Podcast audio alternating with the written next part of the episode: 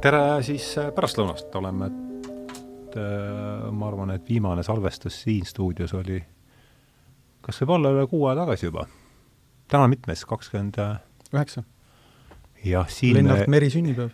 ah nii. sünniaastapäev, sorry. vaata, vaata. jah, pärast seda Ukraina tralli me siin ei olegi salvestanud, et äh, mul oli pikem vahe, et nüüd Tartus tegime ühe ja aga seda suurem heameel on siin jälle olla ja tere ja, ja ja rõõm on äh, tutvus- või siis tervitada kõigepealt ja seejärel tutvustada kahte saatekõlalist, kes on es esmakordselt meie stuudios. tere tulemast, Daniel Vaarik! tere, tere! tere tulemast, Janik, Janek Uibo! tere! jah, öelge enda kohta niimoodi paar sõna, palun, enne kui me vaatame, mis see teema, saate teema võiks olla hmm.. sa alustad vist? seda küsimust oleks võinud oodata aga ei ole ette valmistanud, et no, no ma võiks öelda ka niimoodi, võib kõlada natuke suureliselt, aga et mitte hakata nagu elulugu ja CV-d nagu üles ja. lugema, siis äh, selline maailmaparandaja. Mm.. et, äh, et ähm, praegu siis annan välja ajakirja edasi mm, aga, aga, aga väga suure osa oma elust olen reklaami ja siis meedia valdkonnas ähm, veetnud umbes kakskümmend aastat, nii et mm -hmm ja õppi-... taustareklaamis siis põhimõtteliselt? jah, just, ja, ja õppinud üldsegi ülikoolis, olen Eesti filoloogiat, nii et ah jaa, see Need, need on need sellised keerdkäigud, aga sa samas... lõpetasid ka või? jaa, ikka mm, -hmm. ikka. ja, ja, ja mäletan, et kuskil viieteist, kuueteistaastaselt ma nagu tahtsingi saada ajakirjanikuks mm. -hmm. mitte, et ma nüüd täna seda oleksin, ma ei ole ju seda õppinud, aga aga kuidas, kuidagi see elu teeb selliseid äh, keerdkäike, et nüüd ma ju tegelikult sellega tegelen mm. -hmm. omamoodi no muidugi, millega siis veel, eks see no, mitu numbrit on väljas sul praegu? nagu paberajakirjast rääkida, siis kaksteist on väljas. kaksteist on väljas, jah? ja, ja kolmeteistkümnes on tulemas juunis, aga edasi ise on siis üle viie aasta juba mm, -hmm. et viis pool aastat mm. -hmm. Daniel?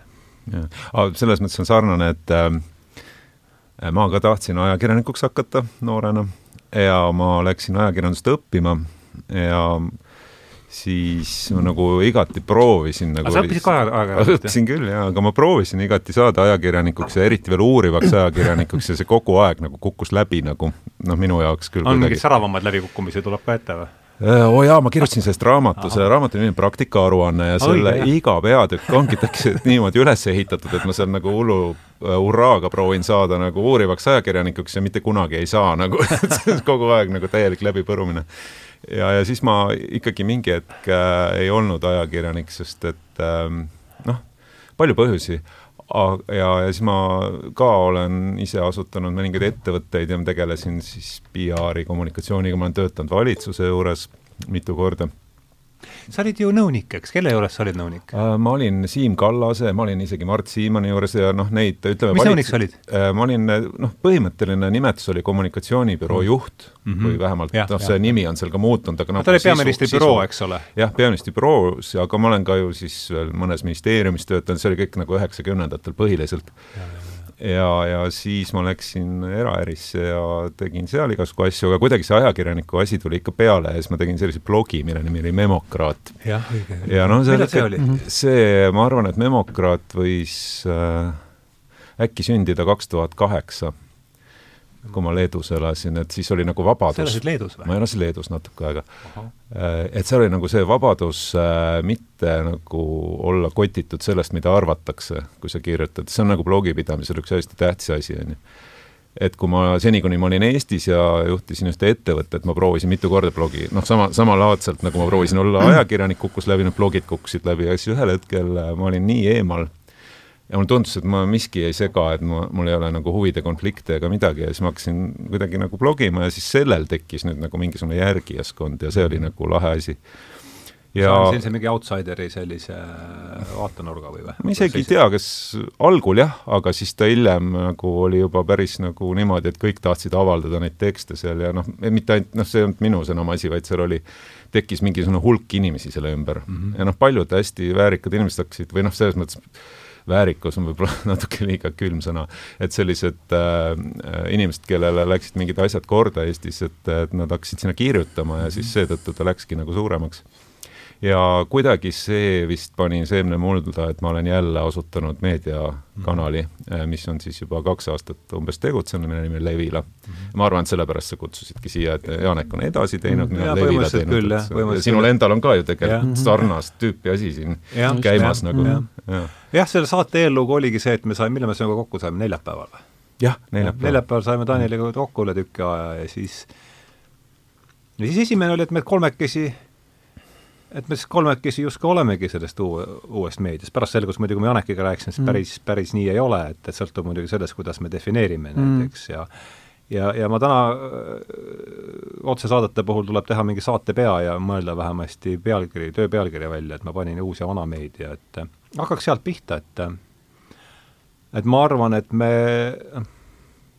mina defineerin ennast mõned, natuke selle kaudu, et, et see on ikkagi äh, uue meedia väljaanne, et mis see teie arvates, mis, kus teie arvate, esimene küsimus, ütleme, olekski siis, et et kus teie arvates läheb uue ja vana meedia piir?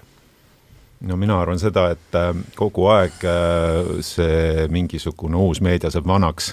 Et see on. nagu iga päev saab kuskil mingi nagu äh, põhimõtteliselt kuskil tiliseb kelluke ja sünnib mingi ingel või mis iganes need asjad on, aga aga põhimõtteliselt kogu aeg mingisugune meedia ostetakse kellegi poolt ära ja tehakse mingid reeglid ja, ja sellest saab mingi, tal on oma lugejaskond, kes juba loevad seda traditsiooniliselt mm -hmm. läbi mitme põlvkonna mm -hmm. noh, Ekspress kunagi tuli Eestisse, justkui oli uus meedia, eks ja. ju, noh, selles mõttes tehti Eestis täiesti teistmoodi asju mm. -hmm inimesed nüüd... seisid ju järjekorras, ei, ma olen reaalselt seisnud Ekspressi järjekorras. ja ta oli mõnes mõttes nagu startup, teda hakati tegema mm -hmm. siinsamas lähedal ja. olümpia hotellitoas.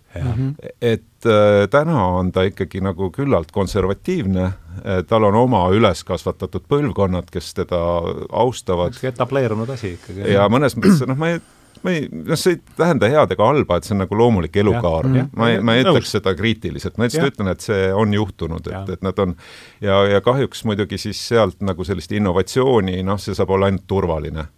Et mhm. äh, ma arvan, et selleks ongi vaja väikseid väljaandeid, kes teevad mind hullu natukene. Mm, -hmm. et äh, nagu äh, noh, ei karda olla nagu täiesti formaadivabad teinekord või või katsetavad ja, ja kui läheb untsu, ei ole selle taga mingisugune, ma ei tea, kolmekümne inimese töötasu või, või ma ei tea, mida iganes, et, et, et seal tuleks siis nagu äkki neid uusi otsida.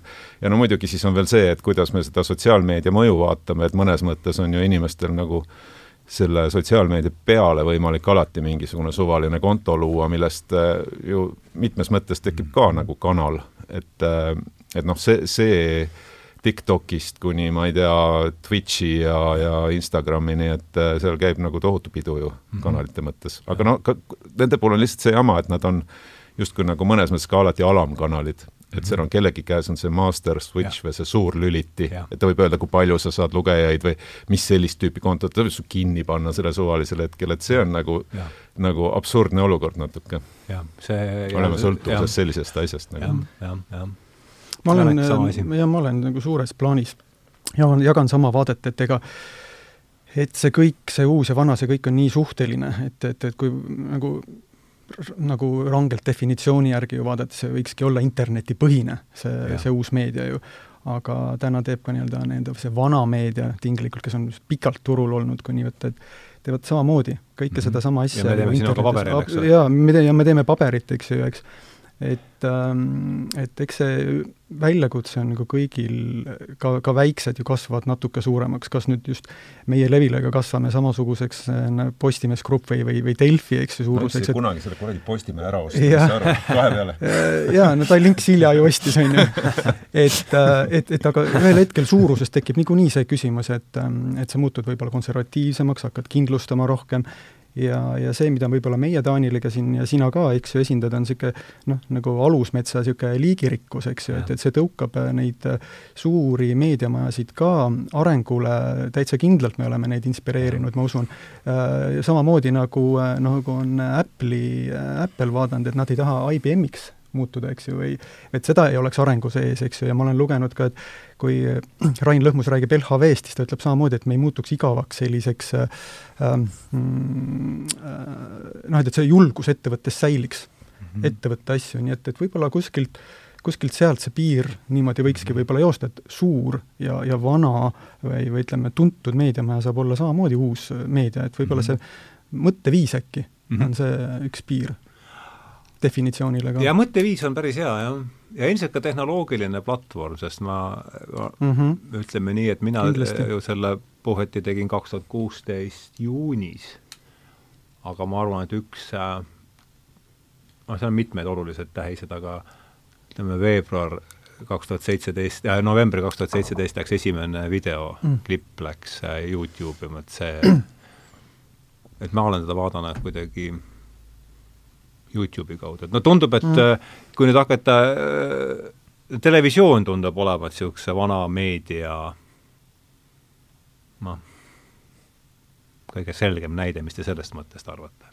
Mhm, nojah tal on äh, esiteks äh, televisiooni äh, regulaarsusel on nagu tohutu jõud, et äh, sellega on kasvanud, ma arvan, peaaegu noh, ikkagi suur osa elus olevatest põlvkondadest üles. kui me vaatame Aktuaalse kaamera vaatamise traditsiooni, et see hakkab nüüd kaduma noortes põlvkondades, aga -hmm. no kindlasti, aga nagu need nii-öelda kohordid, kelle jaoks see on nagu mingisugune päeva mingisugune see ankur, need on nagu väga suured ja neid on väga palju mm.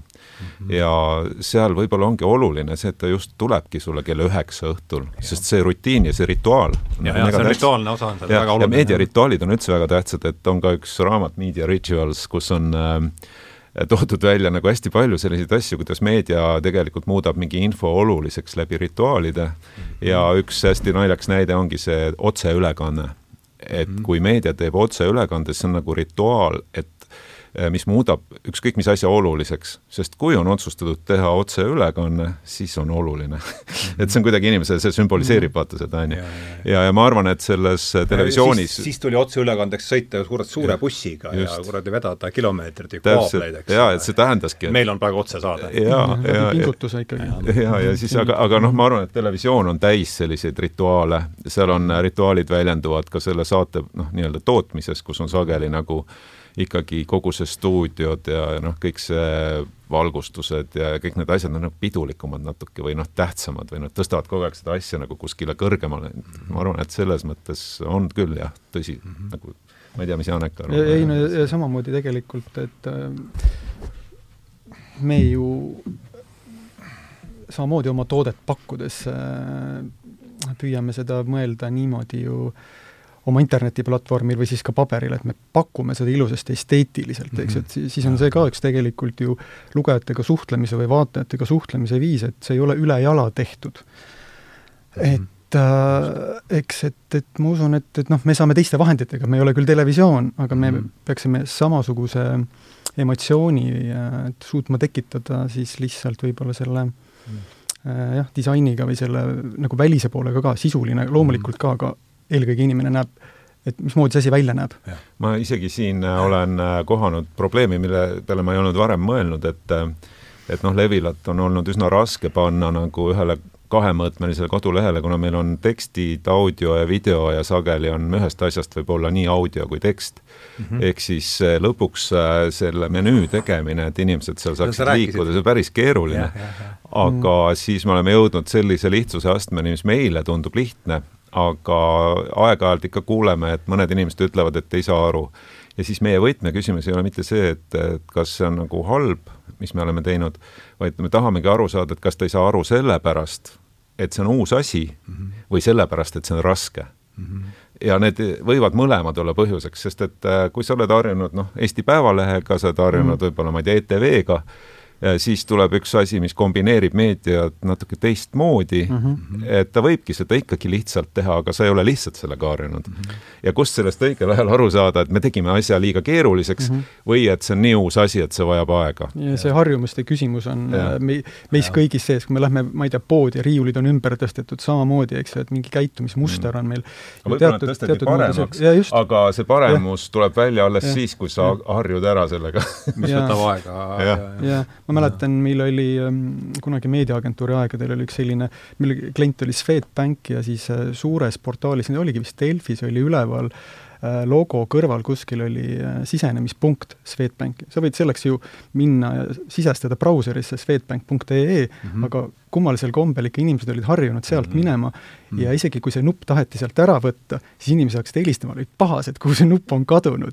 et see harjumus oli niivõrd tugev, aga noh, eks mingil hetkel see kadus ära ja ja samamoodi tõenäoliselt on, on meie formaatidega ka Mm -hmm. et äh, seda tuleb äh, ilmselt äh, noh, teatud aeg teha, see peab olema niisugune äh, nagu püsiv, eks ju, et sa pead suutma näidata, et ähm, et see on endiselt alles ja siin ei ole, me ei mõõda seda kuudega, me mõõdame seda tegelikult aastatega, et kui ma täna vaatan edasi ajaloo pealegi, et algsed lootused või, või plaanid, noh, olid kuidagi, et see kõik võiks juhtuda kiiremini ja, mhm. ja, ja aga see lugejate harjutamine nende kas või olemasolevate suurte väljaannete juurest, et kuulge, vaadake, et siin kõrval on veel päris ägedat asja, et see võtab aega.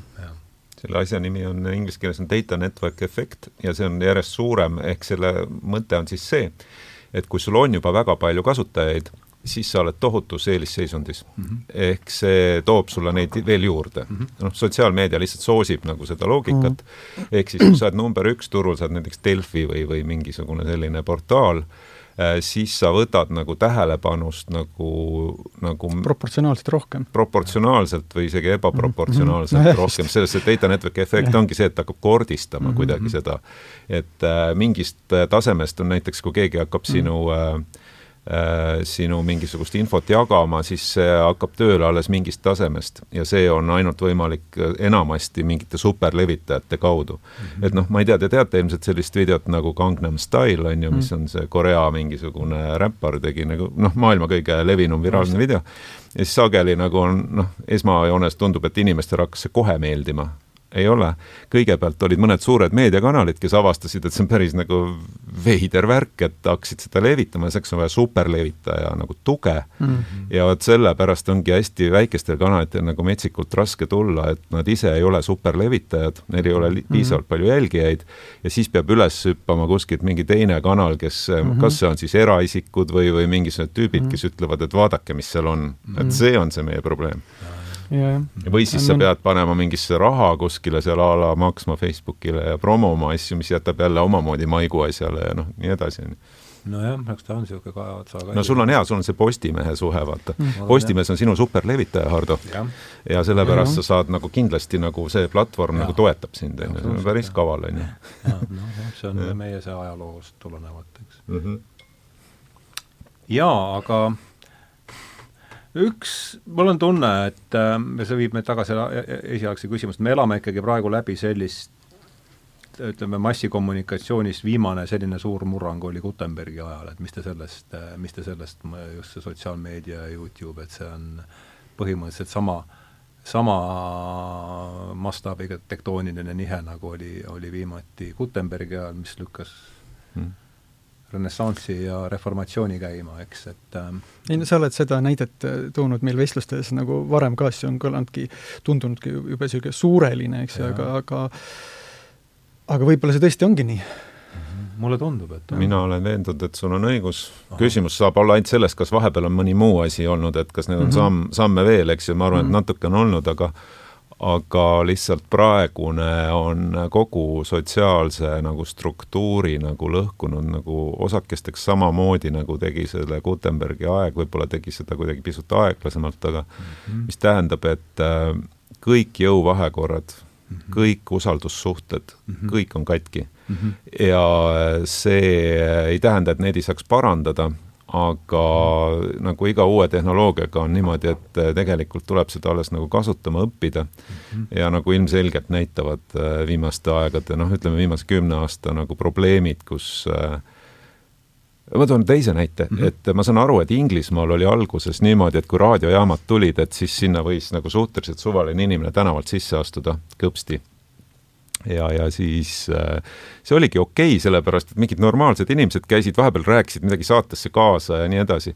aga siis saadi aru, et see on mingi populaarne levinud asi ja siis hakkasid nagu niisugused nagu rohkem nagu trollid ja mingid huvilised hakkasid sinna tulema ja noh, saadete tegemine oli ühel hetkel juba võimatu, on ju. Mhm. ja siis äh, tänaseks on niimoodi, et kui sa lähed mingisse raadiojaama, seal tõenäoliselt istub mingi turvamees sul kuskil UK-s või, või USA sees, on ju, sa ei saa kuskile sisse. ei saa li jõua liftinigi. ma arvan, et samad nagu noh, kahjuks võib-olla mõnes mõttes, kahjuks samad probleemid on, ma arvan, ka nagu internetiga, et ikkagi tekivad noh, Facebook, mis ütles, et ta kunagi ei toimeta asjade sisu, täna toimetab mm. asjade sisu. et mm. see lihtsalt on nii, sest muidu lihtsalt inimesed ei suuda koos elada, noh, ma ei tea, paraku on see nii. Mis sa kostad selle peale? no nii on jah, et ega ju meie ka kõiki teksti ju ei avalda, eks ju, et kogu sellise noh, aeglase ajakirjanduse nagu mõte, mida meie viljeleme, eks ju, et äh, ongi selline süvenenum äh,, läbimõeldum, kvaliteedile rõhuv ja see omakorda tähendab seda, et noh, iga mõte ei tähenda tiražeerimist, et see teenuse võti ei ole sisu nagu valimatu pakkumine, vaid olulise eristamine ebaolulisest, aga nüüd jällegi, et, et selle otsuse ju teeme meie, eks ju, toimetuses, et see on toimetatud sisu et see ei ole noh, selline tavaline sotsiaalmeedia platvorm, kuhu kõik võivad kirjutada ja, ja mida rohkem, seda uhkem. nii et noh, me ka ju mingil kujul nii-öelda noh, kes tahab mõelda, et me tsenseerime, aga igal juhul me teeme mingeid ju valikuid. ja teeme valikuid lähtu-, just, aga, aga noh, me üritame mõelda või mis me üritame, me mõtleme ikkagi nii, et me teeme seda Äh, nii-öelda maailma, parema maailma nimel, eks ju.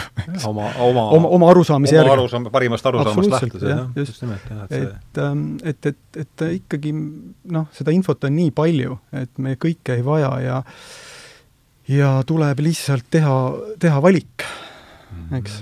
Mm, jah.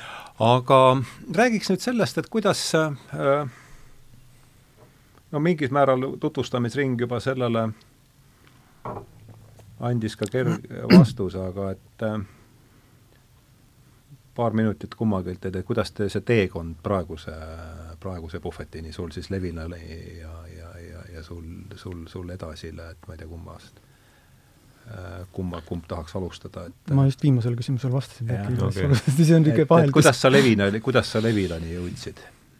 Ja, ja mis, mis suunas see haakub eelmiste püüdlustega ja mis suunas on ta uu-, sihib uut sektorit ja sellised eks ma olen alati, ma arvan, et see, mis ma algul rääkisin, kuidas ma kogu aeg proovisin ja ei saanud ajakirjanikuks saades jäi ilmselt kripeldama, aga võib-olla viimane selline äh, impulss tuli sellest, et äh, ma rääkisin mõnede oma sõpradega sellest, et mida Eestis siis võiks nagu toetada.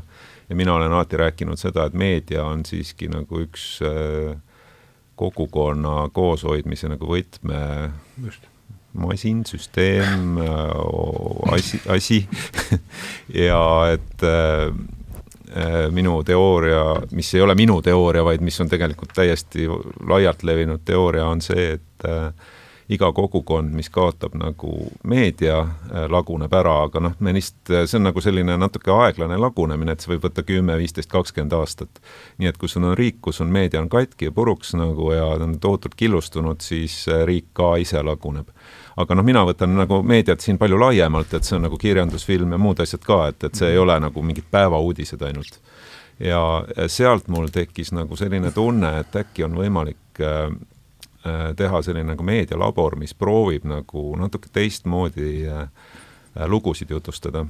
Äh, üks võib-olla selle võtmeelemente ongi jutustav ajakirjandus ja see tuleneb minu enda nagu võib-olla sellisest piiratusest, et äh, pikad lood teiste sõnadega? ei, ei, ei, jutustav ajakirjandus võib olla ka ühelauseline, aga selle mõte on hoopis see, et sa jutustad selle läbi kellegi perspektiivi mm, -hmm. läbi mm -hmm. kogeja mm, -hmm. läbi inimese, mitte abstraktselt, mitte jah, mitte eksperdina, kes ütleb, et sa pead niimoodi tegema, vaid hoopis võtame mingi inimese, kellega niimoodi juhtus ja vaatame, mis kõhklused tal oli, kuidas ta sinna jõudis mm, -hmm. mis see lugu oli seal taga, milline ta ise välja näeb ja miks ma ütlesin, et see tuleneb natuke minu piiratusest, on see, et ma sulle tegelikult ükskord rääkisin ka seda, et et ma ei suuda noh, näiteks äh, ikkagi lugeda kõrgtasemel filosoofiat, ma ei ole lihtsalt piisavalt haritud ja noh, muidugi kõige raskem koht ongi a la lugeda mingit Heideggeri, on ju mm. -hmm. ja ma ükskord hakkasin proovima, nagu lihtsalt tõesti oligi päris huvitav, aga kui ma olin seda nagu meeletult rünnanud, seda mingit Heideggeri noh, inglise keeles veel lugesin. paras pähkel ka. Being and time ja ma olin rünnanud seda mingisugune noh, võib-olla kokku kuus tundi kolme nädala jooksul, siis ma avastasin, ma olen teisel leheküljel ja siis noh, niimoodi ma tegin endaga niisuguse kokkuleppe, et ma pean nagu enam-vähem enda arvates saama aru millestki. ja, ja siis äh, no vaatasin, ei, nii see ei lähe ja siis üks tuttav soovitas mulle hoopis raamatut Heidegger's Hut ehk mm. Heideggeri onn ja minu meelest oli, kui ma nüüd mööda ei pane, selle autor oli Rüdiger Safranski ja see rääkis hoopis Heideggeri elust, rääkis mingist onnist, mis tal oli, ma küll ei lugenud seda läbi, aga ma olin kiirelt, olin nagu poole raamatu peal ja seal selle käigus ma nagu hakkasin tunnetama, et ma saan aru, mis tema filosoofia nagu need põhiküsimused on ja, ja, ja ma tundsin, et see rikastab mu elu. loomulikult mm -hmm. mitte nii palju kui nagu mõnda targemat inimest, aga sealt ma sain aru, et vot see ongi see, kus äh, tegelikult äh, ega me oleme ju kõik lollid tegelikult, me oleme, igaüks oleme mingil alal loll, on ju. et eriti sellel alal, kus ma ise igaüks, loll kõik on loll, aga igaüks on loll isemoodi. jah, igaüks on loll isemoodi ja mina olen noh, eriti omamoodi, on ju. aga et, et siis mul on nagu see tunne, et, et ka noh, näiteks äh, mul oli üks sugulane, kes oli väga tunnustatud kartuliteadlane, aga mm. finantsküsimustes sai lutti kogu aeg, on ju. Mhm. raha jäi kogu aeg kuskile maapanka kinni ja nii edasi, on ju. et, et ma siis ka mõtlesin, et noh ongi niimoodi, et äh, tema jaoks ka finantsküsimustel tegelikult oleks vaja jutustavat ajakirjandust, mis räägiks, kuidas sellised asjad juhtuvad inimestega mm. -hmm ja tema võib teistele teha jutustavat ajakirjandust, kuidas sellised asjad juhtuvad kartulitega. noh, mis iganes asjad on just tema noh, tema konkreetne kogemus tema selline. konkreetne kogemus, kuidas mm -hmm. ta selleni jõudis ja. ja nii edasi. et äh, ma arvan, et sellist asja on tohutult vaja ja see mm -hmm. võib olla küllaltki selline, et ta ei pea minema nagu sellesse, kes sa oled kas sa oled liberaal või konservatiiv, see ei ole nagu hetkel oluline, sa ja. ei tohi peita, kes sa oled, sest see on nagu nõme mm. -hmm. aga sa võid nagu rääkida sellest loost niimoodi, et seda saavad mõlemad pooled lugeda ja vot see on minu jaoks ja. nagu tähtis, eh, kui me jõuame tagasi selleni mm, -hmm. et meil peaks mingid lood ühistama, mitte kõik. see oleks eriti nõme, kui kõik lood oleks ühised. aga, aga et noh, ühesõnaga see oli üks asi ja siis ma avastasin, et Ameerikas on see tegelikult ka küllalt levinud vorm teha ajakirjandust mm. -hmm. see on niisugused äh, a la ikkagi minnaksegi nagu inimeste äh, probleemini on tavaliselt, kas on siis mingisugune laps, äh, kellega, kellega on juhtunud, siis räägitakse nagu a la laste kasvatamisest või tervisest, siis seal on alati inimesed taga nagu mm. -hmm see on ülioluline minu meelest, kuidas sa muidu räägid sellest, noh, meil ongi nagu selline ekspertide ühiskond natuke Eestis ja. tekkinud, kus äh, öeldakse, et sa pead kandma seda, sa pead võtma toda, on ju, ja mhm. siis, kui lõpuks sul on kindlustusfirma nõuab veel, et sul võiks olla näiteks a la pulsikell, et, et siis saad võib-olla natuke madalama preemia või mingid asjad, lõpuks sul on nii palju mingeid käske, keelde, et, et selles nagu opereerida nagu mõistmine nagu väheneb ja väheneb ja ma üldse ei imesta, et inimesed nagu vihased mingi kõiki asjade peale, on ju, rääkimata nagu ma ei tea, mis asjadest seal veel võib olla, ma tõin ju ainult paar näidet, on ju. et ühesõnaga, meie missioon on tegelikult tuua sellise läbi lugude asju, mida me muidu ei jaksaks või ei peaks oluliseks või mis aga mis siiski võiksid kõnetada kõiki, tuua neid nagu inimesteni mm. -hmm. Tundub, mulle tundub, me oleme mm, -hmm. enne kui ma seesama küsimuse sinu mm -hmm. ju edasi läheb, mulle tundub, et see on vist meile kõigile kolmele ühine, et me ei mhm. kasuta eriti professionaalsete ajakirjanike teenuseid vist. no me, me natuke kasutame, aga me täiega proovime seda mm -hmm. mitte teha selliselt, et ta on nagu selline äh, tüüpiline või noh, kuidagi jah, et jah, et mõnes mõttes on see ju selline social journalism või niisugune kodanikuajakirjandus, mis Just. ju põhineb sellisel noh, autentsusel, eks ju, et mitte ja. suures meedias ajakirjanikud ei oleks autentsed, aga, aga see kuidagi, see erisus tuleb nendest inimestest, kes kirjutavad, kes ei pea otseselt tegema seda tööna mm. -hmm. et nad on mhm. lihtsalt mingil alal, on äh, siis asjatundjad või siis armastavad seda, eks ju, ja, ja, ja nad või mingil põhjusel, mingil teisel põhjusel me tahame kuulda, mis nende arvamus on, eks. ja, ja, ja, ja see läheb, ja see on siiras, eks ju mm. -hmm. et siis see kuidagi puudutab.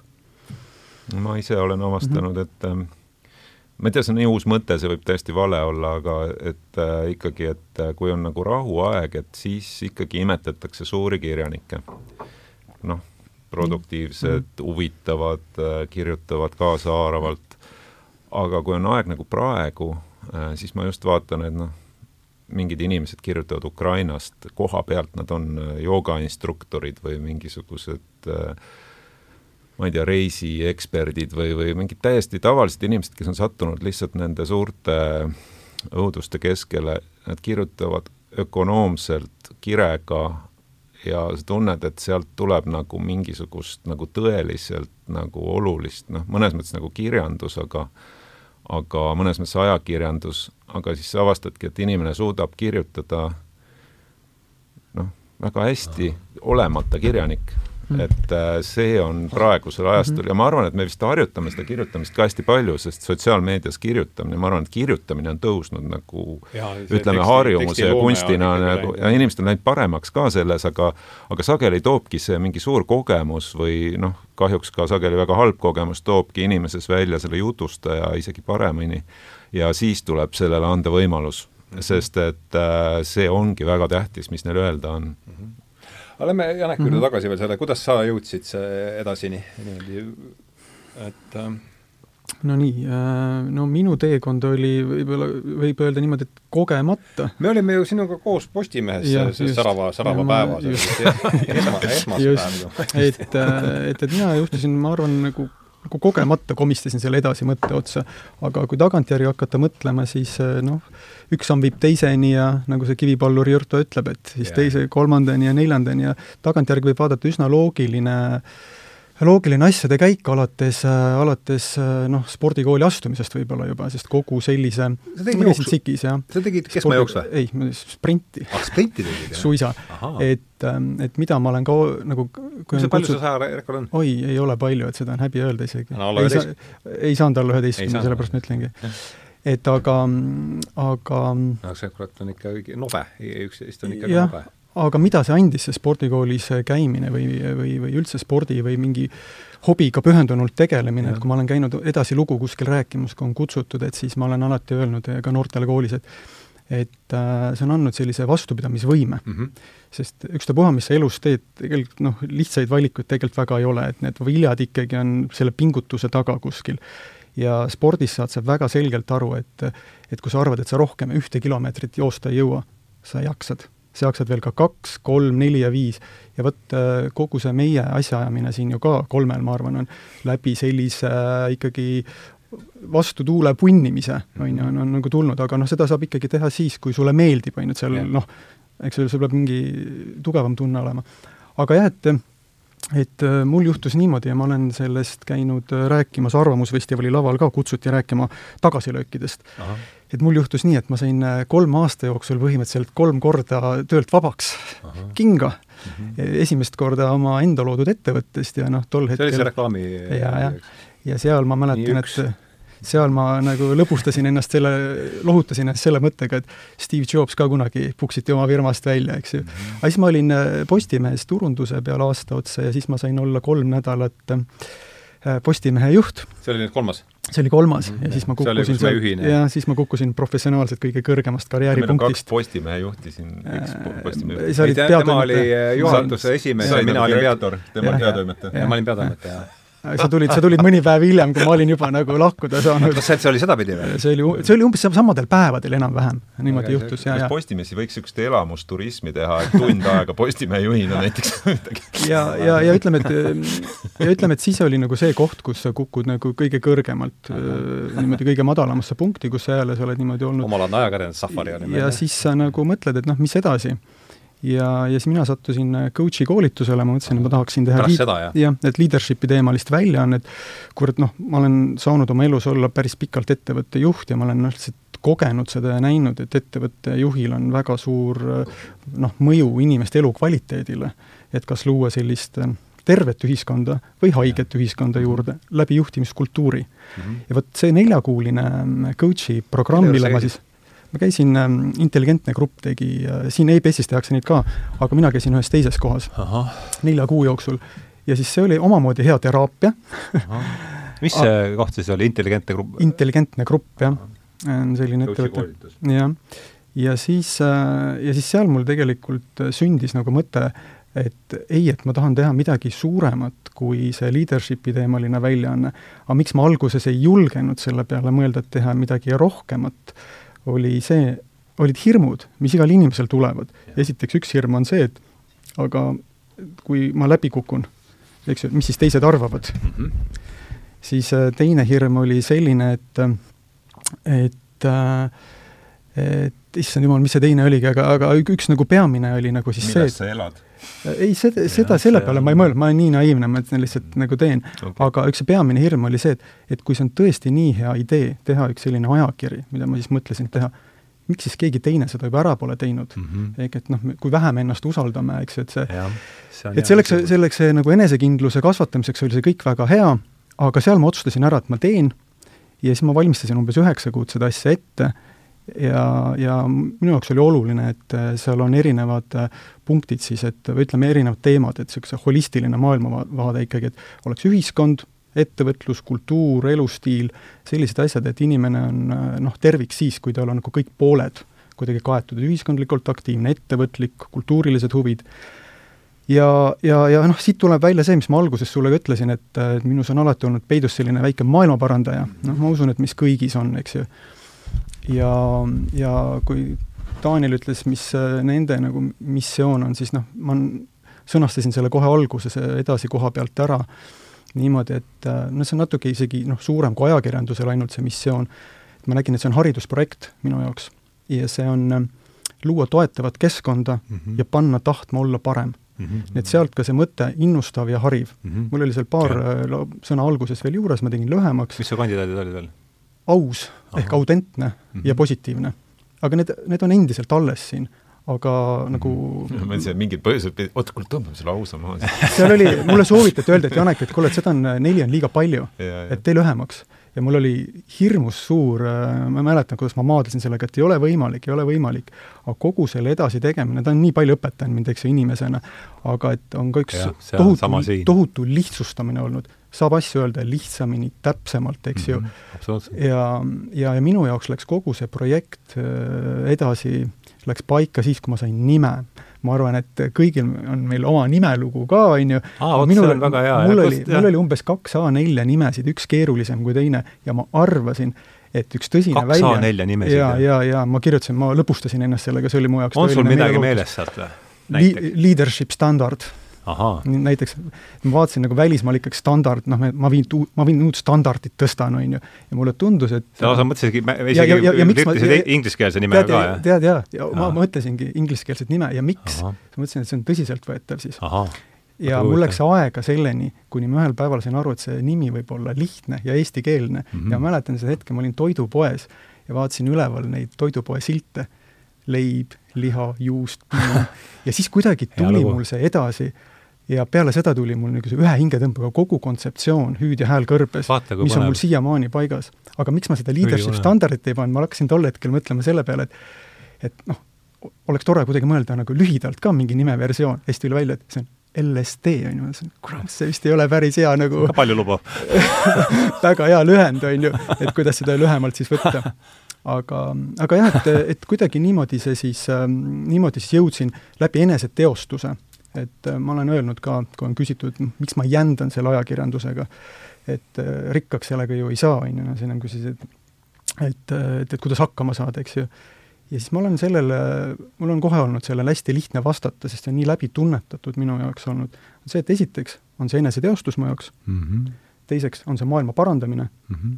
mis ma ka olen, aga selle kohal kõrgub tunne, mis annab minu arvates elule üldse mõtte mm. -hmm ja see on kasulik olemise tunne mm. -hmm. ja see on see, mida ma edasi tehes iga päev tunnen mm, -hmm. kõik need aastad praegu, mis ma olen mhm. teinud. ja see, see annab ikkagi äh, põhjuse niimoodi, et hommikul ärgata, hommikul ärgata, et ei ole vaja padja järele haarata ja, ja ennast lämmatama kukkuda. et, et, et see on selline tunne, mis ikkagi äh, võib-olla noh, seletab ka seda, et miks võib-olla mõned inimesed, kes on ajakirjanduses sees, või siis mõnes muus valdkonnas, ei saa aru, et kuidas on võimalik sellist asja teha mm. -hmm aga sellepärast, et see ei olegi, see ei allugi ratsionaalsele sellisele Just. mõtlemisele mõnes mõttes, et sa lihtsalt niivõrd usud ja nii palju tahad ja siis äh, sa lähed lihtsalt läbi nagu meetrise seinana, mhm. imbud mm -hmm. sealt läbi, noh, sa ei mhm. pea seda ära lõhkuma, imbud mm. -hmm.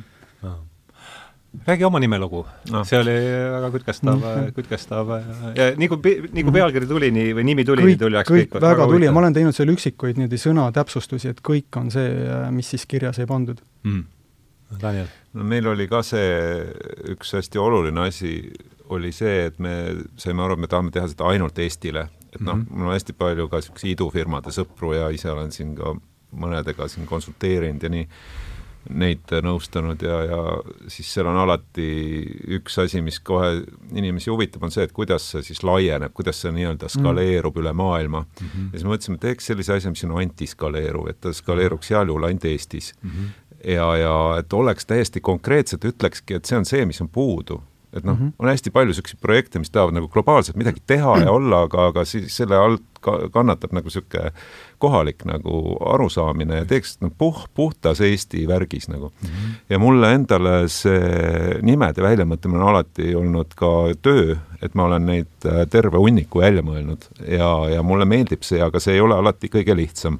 noh, samamoodi mm -hmm. nagu Janekil, et äh, eriti siis, kui tähtaeg on nagu äh, tähtaeg on nagu lähemal, et meil oli ka see, et meil tegelikult oli siis olemas juba toetajate raha kontol või oli kohe kontole tulema, aa, ei saanud tulla, sellepärast et meil ei olnud nime ja me ei saanud firmat registreerida. ja siis hakkasid nagu natuke nagu läksid pingesse ära, et ütle see, ütle see aasta veel? Kaks tuhat üheksateist, et äh, natuke nagu see, et oot-oot, nüüd tuleb kindlasti midagi ära, ära mõelda, on ju. ja, ja siis äh, kuidagi läbi selle Eesti peale mõtlemise on tohutult palju, ma tavaliselt nimede puhul teen äh, tööd murdesõnastikega, seletava sõnaraamatuga, etümoloogilise noh, sõnaraamatuga, kuigi see eestikeelne ei ole eriti hea minu meelest Eh, Eesti sõnade jaoks, aga et eh, siis äh, nagu tuhlad ja tuhlad ja proovid nagu kas ühe etümoloogiline sõnastik on meil olemas netis ka või äh,? Minu meelest on nad kõik vist netis kättesaadavad, aga seal on lihtsalt see probleem, et ta ei lähe üldse sügavale mm. -hmm. ta toob sulle, ehk siis etümoloogiline tähendab, siis vaatab nagu sõnade juuri või kust nad tulevad, päritolu põhimõtteliselt et kui vaadata ingliskeelseid analooge, siis sa saad sealt ladina, leedu, sanskriti ja noh, ega eesti keelt, keele nendel on ka hästi palju nagu murde, noh, võiks ju olla murde algeid äh,, alamsaksi keele all, algeid, igasuguseid, aga neid ei ole lihtsalt välja toodud, aga kui need oleks, ma saaksin nagu kohe oma fantaasiast nagu seda nime paremaks, on ju. aga me lõpuks jõudsime sellise sõnani nagu leviala, mõtlesimegi Eesti leviala ja, ja siis oli äh, tol hetkel oli üks äh, äh, tüüp Madis Ligemaa meil ehk kambas, Areaal on see Areaal põhimõtteliselt jah, jah. Mm -hmm. Areaal käis ka läbi, aga noh, see oli liiga, see on liiga kuidagi selline võõras sõna. aga et leviala tundus juba peaaegu, aga siis see Madis ütles, et kuule, tõmbaks ühe A maha. Ja siis tuli Levila. Ja siis vaatasime, see on ka sõna. Ja see mm -hmm. tähendabki ühe liigi, äh, näiteks äh, Levila tähendabki seda, kus see liik esineb loomulikult mm -hmm.. noh, näiteks ma ei tea, kaselevila mm, -hmm. ma ei tea, leinakaselevila, mhm. see on see, kus ta esineb nagu põhimõtteliselt jah.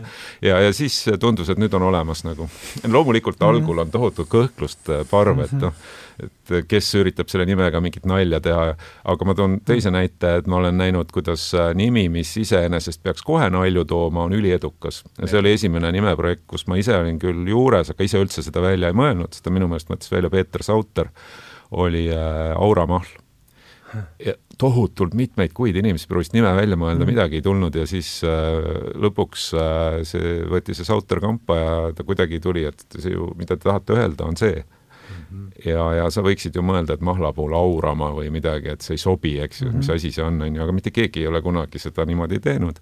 ehk siis tegelikult need algsed kõhklused tuleb tavaliselt mhm. minema visata, et nimi hakkab ise tööle selles maailmas, mis sa nagu oled sellele loonud mm -hmm. nagu.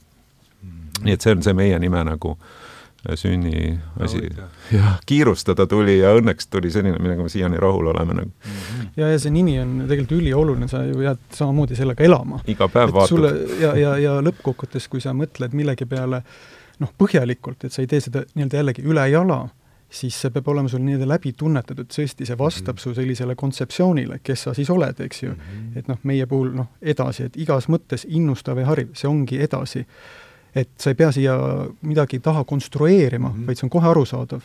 no sul ka samamoodi, tähenduse teejuhid, eks ju. noh, räägi oma lugu ära. ja no mul on kaks nime selles mõttes uh, -huh. eks, et on Berkey Selts, mul yeah. on see, kas sul on meeles ka see Levila, kust tuli see klõps nagu, see hetk või?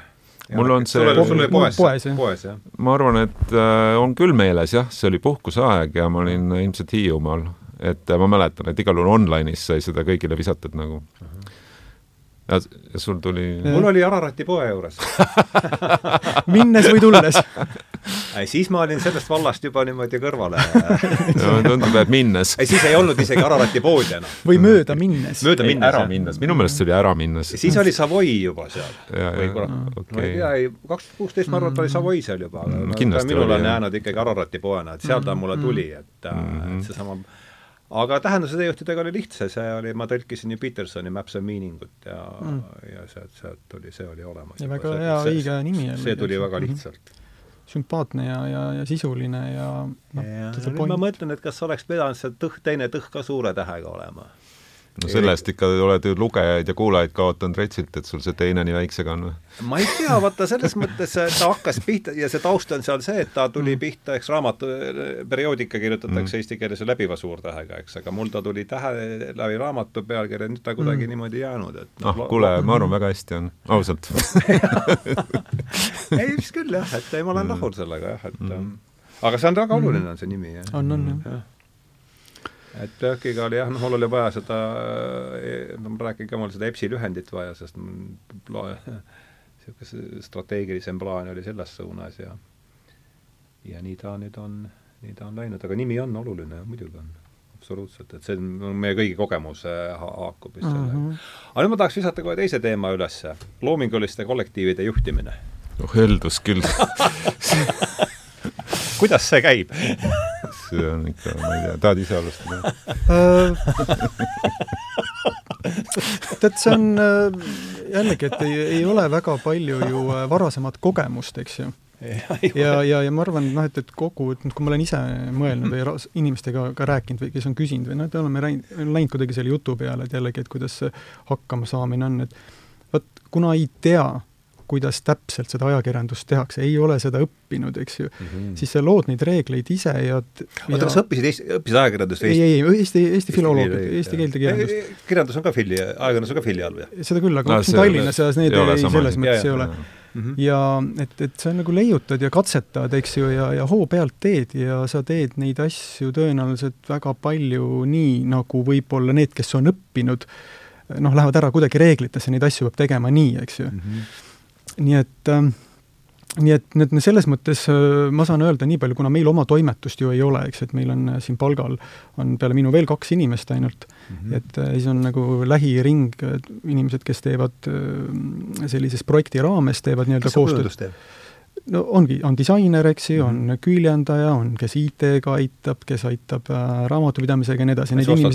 jah, et noh, need inimesed on, meid on niimoodi, kui me jõulude ajal ümber laua istume, et siis meid on kaksteist inimest, eks ju mm. niimoodi, just, aga noh, et, igapäevaselt äh, nii-öelda palgal me saame pidada nagu kolme inimest mm. -hmm. ja ülejäänud kõik, kes meile ju sisu siis loovad, nad on, äh, teevad täitsa omal alal tublit tööd igal päeval, lihtsalt juhtumisi neil on ka selline kirjanduslik anne, suudavad oma mõtteid verbaalselt väljendada, nii et teistel on ka huvitav ja noh, need inimesed on, eks ju, ka ütleme, sisu mõttes niimoodi meil otsitud või, või kellega me koostööd otsime, ongi, et nad teaksid seda ala, millest nad kirjutavad ja teine asi, et nad armastaksid seda.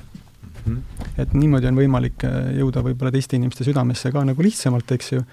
ja siis on seal nagu noh, mitmeid mõtteid veel, et noh, keeruline lihtsaks rääkida ja lihtne igapäevane põnevaks mis on ka minu meelest ülioluline, sest kõik me siin ei leiuta Skype'e, eks ju, ja me, aga noh, see ei tähenda, et me võiks olla õnnetud, eks ju mm, -hmm. aga et näha selles igapäevas midagi nagu põnevaid nüansse, nii et need minu töö võib-olla noh, autoritega või sellise loomingulise kollektiivi nii-öelda kureerimisega ongi see, et et, et, et luua selline platvorm äh,, noh, ma mõtlen ka oma kutsumuse peale, et kui ennem öelda, et miks ma sellega tegelen, on see, et et et äh, see on niisugune luua keskkonda.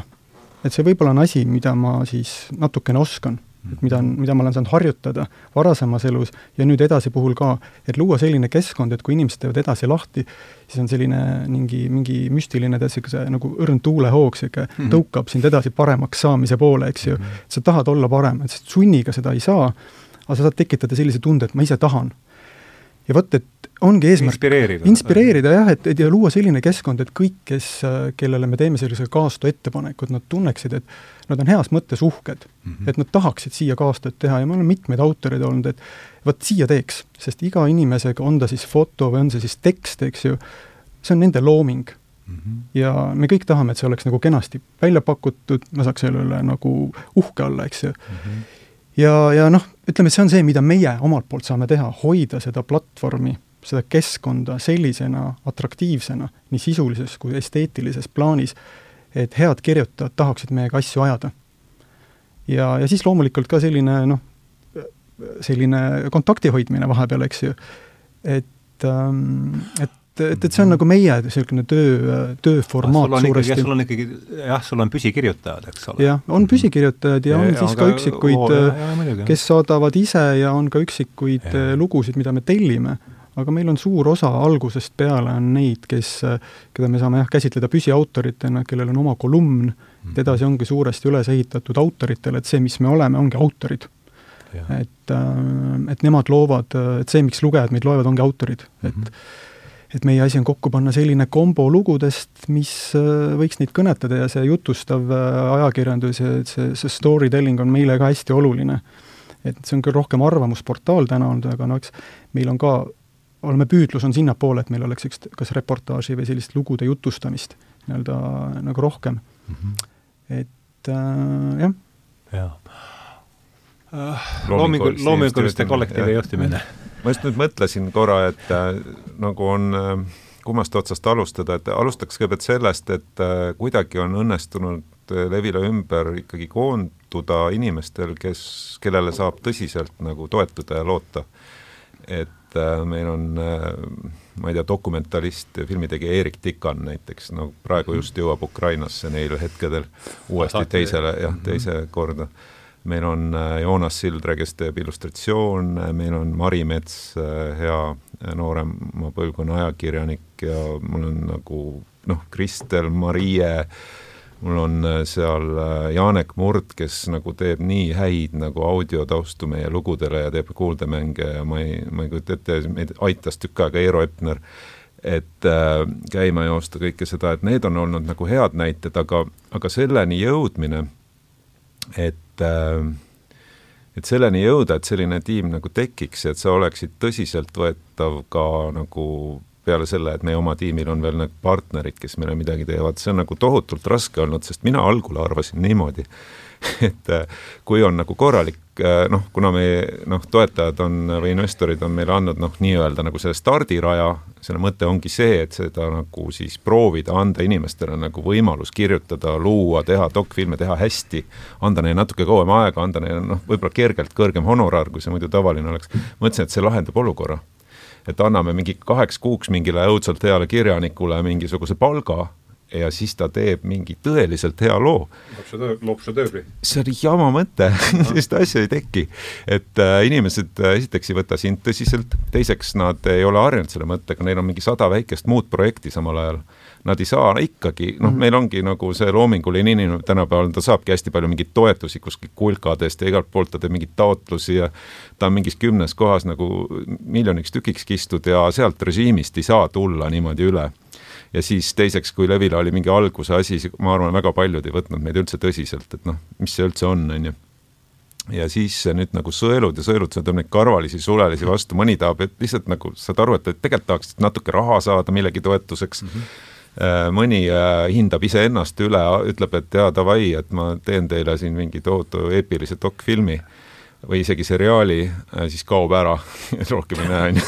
Nagu ja siis noh, kõike seda on, eks ju, ja, ja siis või mõni teeb ja siis sa nagu vaatad, et jah, et tegelikult see hetkel noh, paraku nagu endal ka ei tule kõik asjad välja, et noh, seekord ei tulnud välja, on ju aga et siis lõpuks ikkagi äh, kuskilt hakkab tulema nagu mingisugune a la helistab ise keegi või et noh, ma ei tea, Eerik helistas mulle kunagi, see meie dokumentarist, ja hakkas mingit täitsa imelikku juttu ajama, et teeks mingi noh, mingist nagu a la porno teemast või noh, OnlyFansist mingi loo ja siis mul oli kohe kahetsed mõtted, et sellest võib midagi mm. väga head tulla, aga nagu, et a la, et ma ei tea, ma ei tunne seda inimest, mida ta nagu äkki tuleb mingi jama või mingi asi ja siis kuidagi ta ise kadus ka ära ja siis ta helistas sügisel uuesti ja siis ma olin jumal, tänan Jumalat, et ma sain temaga kokku ja et noh, sa näed, et inimene, kes, kelle silm mm. särab mm, -hmm. kes ise mm. otsib ka juba sinuga kontakti mm -hmm. ja siis sa näed, kuidas ta töötab ja, ja pühendub ja teeb asju, et, et sellistel hetkedel sa saad aru, et tegelikult selles loomingulises, ma arvan, siin on võib-olla Janekiga ka sarnasusi, et et selles loomingulises klapis, kollektiivis peabki olema hästi mitu komponenti. võiks olla ikkagi inimestele võimalik maksta, nad peavad ise nagu tundma, et nad tahavad just sinuga koos teha. et kui nad ei taha, et siis mhm. sellest mm. ei tule midagi nagu. ja, ja ma ei tea, mis seal veel, aa jaa, et see, et nad suudavad tegelikult ka ellu viia selle, mis nad lubavad. et noh, see kombo on minu meelest esimesed kolm asja, mis mul pähe tulevad. ja seda ei saa mm -hmm. nagu sunniga kehtestada, et võib-olla siin ongi see, et sa lihtsalt pead olema kannatlik, leidma neid inimesi ükshaaval, nagu proovima neid ikkagi äh, luua neid tingimusi, noh, me ei ole ka ju mingid rik-, rikas organisatsioon, et me ei saa ka kuidagi tohutult nagu kalliks seda asja ajada, on ju, me peame pigem just otsima, kust need nagu mm -hmm. a la, et noh, meie dokfilmide eelarved on nagu mingi neli-viis korda väiksemad kui äh, võib-olla nendel, mis on nagu võib-olla toetatud suurema rahaga, on ju. Mhm. aga ikkagi meil on nagu nendega juba päris hästi läinud et äh, see on niisugune laveerimine ja, ja järjest nagu ehitamine tõesti. ja just sellega väga nõus, et need inimesed äh, peavad ise tahtma, et meil on ka ikkagi see, see sära, sära silma aspekt on ka ikka mitmed mm. näited, eks, ja ma arvan, see on igal pool, et et see on, see on lihtsalt niivõrd lahe, kui sind äh, leiavad üles või selle ettevõtmise leiavad üles, inimesed võtavad ise ühendust, ütlevad, kuule, et ma tahaks midagi teha ja, ja see algab sellisest ikkagi sellisest entusiasmist ja sellisest armastusest selle asja vastu. loomulikult on äh, tasu selle asja juures ka, kõik peab olema, alati see, et on see piisav, ei ole, aga kui sa tahad midagi väga teha, siis sa ei sea seda tasu piira, piiravat faktorit nagu sellise kõrgusesse, et see asi üldse jääb tegemata, eks ju. mul tuli veel vot nagu näide mhm. sellisest mm, -hmm. kus inimese silm särab, kohe on no, tegelikult äh, ka sina, Hardo, tunned Georgi Abolomovit, on ju? ja lihtsalt äh, käisin tema juures trennis ja, ja ta lihtsalt kogu aeg rääkis. ja, ja sinuga üle tüki aja saime ka seal ja, ja see pani mulle vähe tohu vastu pead ükskord aga see on okei okay. aga, aga, aga just, et ta, sa näed, et inimene on nagu tegelikult nagu meeletult vaimustunud, vaata väga mm, paljudest sest on palju nagu läbi töötatud ka nagu näiteks palju niisuguseid väga edukaid nagu asju tahab teha mm. ja, ja siis ta lõpuks tegigi meile nagu megalaheda sarja nagu Täna Venemaal, et mm -hmm. see on, seal on hästi sellised äh, mõnusad nagu lojaalsed fännid sellel ja ta teeb ühte era, eraldi osa sellest äh, just praegu valmistab, et, et noh, ongi näide sellest, kus pigem nagu inimene ise tahab väga teha ja see on ja. talle väga oluline, et ja. siis sa saad aru, et okei okay,, et see on märksa olulisem kui see, et kas ta on nagu mingi juba hästi palju neid asju teinud või, või, või et noh, see ei ole nagu alati üldse märk millestki nagu. jah, no ikka see mingi loominguline impulss peab olema kusagil, muidu ta ei aga mm -hmm mis sa, on midagi edasi? ei no, ei no lihtsalt mõtlengi võib-olla, võib-olla pea lihtsalt noogutab kaasa, et, et, et, et see nii on ja, ja head asjad ikkagi juhtuvad siis, kui jällegi päeva lõpuks on kõik hästi lihtne, eks, et, et kuidas midagi juhtub, et tõesti see enda, enda tahtmine, inimene, kui ta tahab midagi teha, siis need asjad hakkavad kuidagi lihtsamini liikuma, et mm. on see siis sisuloomega seotud või on see mingi, millegi muuga, sa pead kuidagi enda jaoks ära põhjendama, miks ma seda teen. -hmm. Et, ähm, et kui ma ennem rääkisin, et autorid võib-olla noh, nagu näevad oma loomingut ja on uhked ja nii edasi, siis järjest rohkem me ju tänasel päeval äh, mõtleme selle peale, et noh, ka me nüüd, mis jälje me jätame, millele ma oma panusega kaasa aitan, eks ju mm. -hmm. Need võivad ka ettevõtted olla, et kuhu ma oma energiat annan, raha mm, -hmm. eks ju, aega, energiat, et mis sellest paremaks muutub mm. -hmm. et siin on ka üks suur äh, noh, moment olnud, mida ma kas partnerite või ka autoritega noh, arutan, et et alati võib ju mõelda ka niimoodi, et eh, noh, et ma, kas ma lähen nüüd eh, selle aja, mis ma muidu plaaniks võib-olla edasi jälle kolumni kirjutada, et võib-olla ma investeerin selle kultuuri, käin jooksmas ja nii edasi, et mis see vahetuskaup on, et miks ma peaks nagu hakkama kolumni kirjutama, et mul on mhm. mõningaid selliseid vestlusi ka olnud, kui sa räägid ka loomingulise kollektiivi juhtimisest, et noh, seostub natuke, siis ongi tulnud see, et mul on, on kuidagi hästi loogiliselt kasvanud see välja, et noh, sa ei saa äh, inimest sundida mitte üheski ametis midagi tegema, kui ta väga ei taha, aga kui ta leiab selle õige nõksu, et miks see mulle on kasulik. ja see on just see, et aidata tegelikult kaasa, luua midagi, mida ei ole, et me ka, et, et sellist väljaannet nagu ei olnud, eks ju, aeglase ajakirjanduse näol, aga ka see, et see aitab inimesel ka ise õppida ja areneda mm. -hmm. et mul on näiteks Annika Laats, on öelnud eh, noh, kunagi, kui ma talle, teda tundmata kirjutasin peale tema seda telesaadet ka, et ta võiks hakata meile kirjutama, siis noh, ma mõned kuud ajasin teda nii-öelda heas mõttes taga veel, et eks ju, suhtlesime, et ähm, ütlesin, et võiks teha sellise pühapa kolumni mm. -hmm. et ta, ta ju niikuinii peab jutlusi, et mis tal siis nagu ära ei ole see kirjutada äh, nagu artikliks ka, et ta on seda ise äh, oma mõnes intervjuus ka öelnud, et et see ikkagi on hoopis teine žanr, žanr, kui ta hakkas seda tegema mm. -hmm. ja see, see on talle endale tõsine teoloogiline töö ja kasvamise mm -hmm. koht mm, -hmm. kus sõnastada ära neid selliseid teoloogilisi äh, teemasid inimeste jaoks, kelle ettevalmistus sellel teemal mm -hmm. ei ole selline oh,. nii et noh, et ta ja mitmed autorid, ma usun, äh, saavad ka läbi selle, hoiavad ennast vormis, äh, peavad ise uurima mm -hmm. teatud perioodi tagant natuke ja. midagi ja see on see, miks võib-olla noh, mis on ka üks argumente nendel inimestel kirjutada. Mit-, nad ei tee seda kindlasti mitte raha pärast mm, -hmm. eks ju. me maksame kõigile honorare, aga, aga nad ei tee seda raha pärast. et kellel rohkem, kellel vähem, on ikkagi ähm,, on ikkagi see kasvamise ja enda arendamise või millelegi heale kaasaaitamise argument juures, kellel noh, mis mm. -hmm. jah mm -hmm.. nojah, sul on, sul on ja. erinev sellest, et on jah, aga ma arvan, et suures plaanis, kui mõelda, jaa, et aga suures plaanis ma arvan, et see on jällegi sama-sama kõikides ettevõtetes, et mis tahes valdkonnas, et kui sa mõtled äh, ka mingile muule äriettevõttele, siis kogu meeskond ju pühendub, äh, kus see motivatsioon tekib, pean aru saama, miks seda värki vaja on, mis me siin meeskonnas teeme, eks ju? Et, et kui sa need kuidagi ära seostad omavahel, kuidas see asi aitab kaasa sellele, sellele ja miks see sulle oluline on, kuidagi siis sa leiad äh, motivatsiooni vaestel päevadel üles selle, et miks minna no see on see Nietzsche ma ei mäleta, kas see saksa keeles oli, aga eestikeelne mõte on umbes see, et see, kes teab vastust küsimusele miks, teab ka kohe vastust kuidas. kuidas, jah. et see on väga hea. ma olen äh, jah, see konsultandi elu õpetab nagu küll seda, et Äh, kui sul lõpuks kukub kätte mingi projekt, mis, mis sind tõeliselt nagu huvitab, et siis hoia sellest võimalikult, noh, anna oma mm. nagu maksimum seal.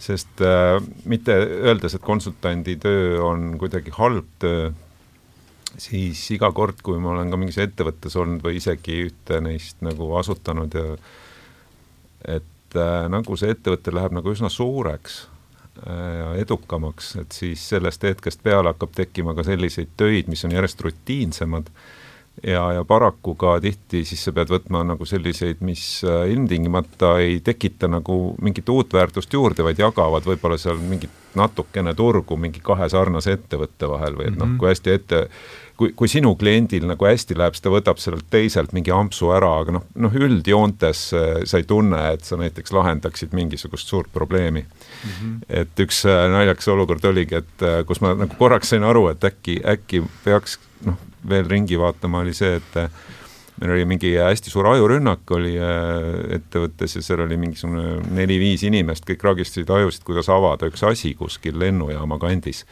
ja, ja siis äh, jõudsime sinna, et võib-olla teeks niimoodi, et mingi jõumees, vaata, tõmbaks mingit lennukit, et küll see oleks äge nagu, et see on, nagu tegelikult ei ole raske korraldada ja nii edasi.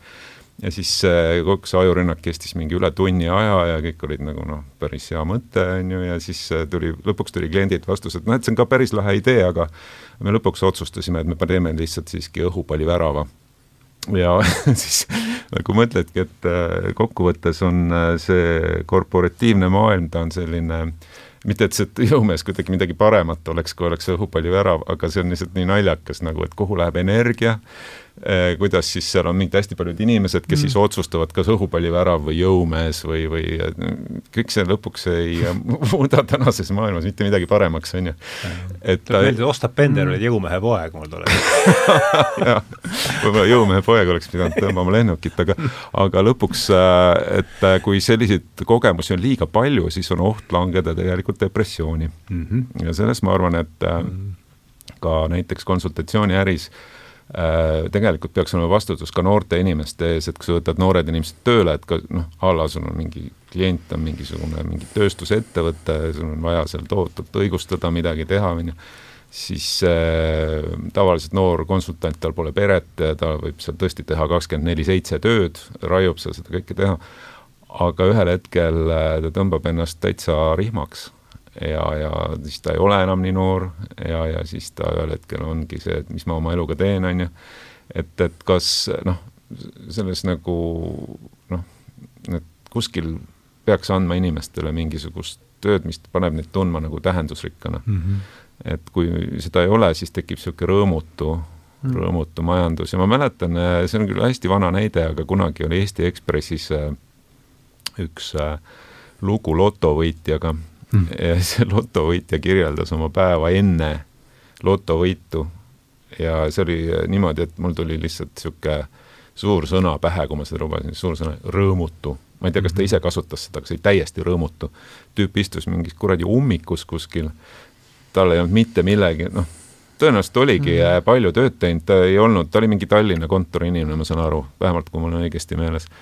sel hetkel, kui ta selle lotovõidu kätte sai, ta nagu lõpetas päevapealt töölt ära, muutis oma eluviisi, kolis kuhugi maale, mida iganes, on ju. ja, ja siis sa mõtled, et noh, see lotovõit on nagu absurd, seda ei võida tavaliselt mitte keegi, on ju. et, et siis kui palju, et kui palju vaimse tervise probleeme tuleb sellest, kui su töö on täiesti rõõmutu näiteks äh?. väga palju, ma arvan ja depress-, antidepressaadid ongi selleks, saaks hommikul oma selle lipsu ette kuidagi võib-olla, ma ei, ma ei taha neid alahinnata ja. ka, et noh, kindlasti seal on noh, ka mingeid orgaanilisi probleeme, aga ma arvan, et sellele lisaks on mingi kiht, mis nagu võimendab kõike seda. et äh, ja ühel hetkel ma arvan, et kui me täna elame sellises maailmas, kus see töö ei lõpe isegi öösel, kus sul on mingid sõnumid ja mingid värgid ja, ja noh, et äh, sul äh, on meilidele vaja vastata, ma ei tea, mingis suvalises ajavööndis ja, ja kõike seda, et, et see nagu äh, noh, ma ei räägi midagi uut siin mm, -hmm. aga ma arvan, et äh, võib-olla siin laua taga kõik teavad, millest ma räägin ja võib-olla teisel pool ekraani või ma ei tea, kõlarid ka teavad, millest ma räägin, et et see on üks asi, kus äh, järsku saad aru, et kus on võimalik teha midagi sellist, mis sind ennast ka päriselt nagu huvitab mm -hmm. ja sa tuled hommikul tohutult mm -hmm. hea tujuga seda tegema, kus selliseid asju õnnestub nagu selliseid ameteid saab nagu kuidagi rohkem teha või, või, või kuidagi neid teistele pakkuda või mõni juht suudab välja mõelda, kuidas ta oma -hmm. alluvatele seda natukenegi pakub, et see on nagu ja. praktiliselt asi, mida igaüks saab mõelda selle peale, et kuidas ta oma elus saab natuke seda rõõmutust nii-öelda sellega võidelda, mis nagu tekib ja. nagu ja nõus, see on, see on, see on väga, see on väga sisemine, sisemine asi ja seal on ka noh, mis ongi nüüd ütleme, coach'ide töö ka suuresti noh, julgustada, eks, et noh mm, -hmm. ma nagu ise olles nüüd noh, seal ka need kursused läbi teinud, et et ongi, sa saad, see, see, see aitas ennast väga palju. ja, ja, ja, ja noh, et, et kõik see elu ei ole ju äh, niimoodi, et noh, vertikaalselt läheb ainult üles, et äh, et, et järjest rohkem, rohkem, rohkem, ma ei tea, ettevõte peab suurem olema, ma ei tea, see peab suurem olema, tegelikult see kasv saab olla horisontaalne, eks ju mm. -hmm. niimoodi, et, et kas mingi tööülesanne, eks ju, on põnevam, eks ju, et just, et, et see ei oleks ainult nagu hor-, ütleme, vertikaalsele kasvule orienteeritud, see ei ole ainuke elamise viis. üks äh, selline mm -hmm. minu meelest küllalt loll idee filosoofiline niisugune lähenemine. Äh, mis on nagu, tähendab mm, -hmm. ma tegelikult tahakski seda võrrelda nüüd, et sa ütlesid erasektor, aga mm -hmm. siis on riigisektor, avalik sektor et minu arvates, ma väga vabandan, aga minu arvates on nagu läinud nagu noh, idee ise võib-olla ei ole, ei olnud algul loll, aga tänaseks ta on nagu loll, on see õhukese riigi jutt, on ju. Mhm. et ma näen nagu, kuidas kuskil, ma ei tea, kas Rahandusministeeriumis kuskil mingid tüübid, kes nagu arvavad, et kui kõik ametid kokku panna, et noh, jääkski lõpuks mingi üks amet, et jääb mingi üks amet järele, et siis ongi nagu tohutut raha kokku hoitud ja kõik on hästi. aga reaalsuses tähendab seda, et meil on mingisugused mammutorganisatsioonid, mida ma olen ise ka konsultandina näinud, kelle üks osakond ei tunne teist, seal ei ole juba koordineerimise peale, juba horisontaalse koordineerimise peale läheb nii palju aega, et keegi ei julgegi ühtegi uut ideed välja käia, sest ta teab, et tal ei ole selleks aega, et sellega tegeleda mm. -hmm. ja siis tulemuseks on, et seal töötavad, ma ei tea, inimesed, kes äh, kellel on liiga suur kohusetunne mm, -hmm. nemad jäävad sinna tööle ja siis hoiavad seda posti kolmel mhm. ametil, seal mingi mhm. palk väheneb umbes kogu aeg nagu ja siis õpetajatega sama asi. teeme kogu aeg seda kõike nagu õhemaks. et see on nagu selline asi jälle, mille efekti sa ei märka enne, kui kümme aastat on möödas, aga siis see on nagu päris valus ja siis võib-olla mõni inimene noh, käib sealt korra läbi umbes ja saab oma karjääri sealt edendada natukene, et noh, ma olin ka seal tööl, on ju ja siis vahe, aeg-ajalt mingid erasektori tüübid eksivad sinna ära ja on seal mingi kuus kuud, et pärast siis ma ei tea, õlleklaasi taga saunas sõpradega rääkida, kui õudne see kõik oli.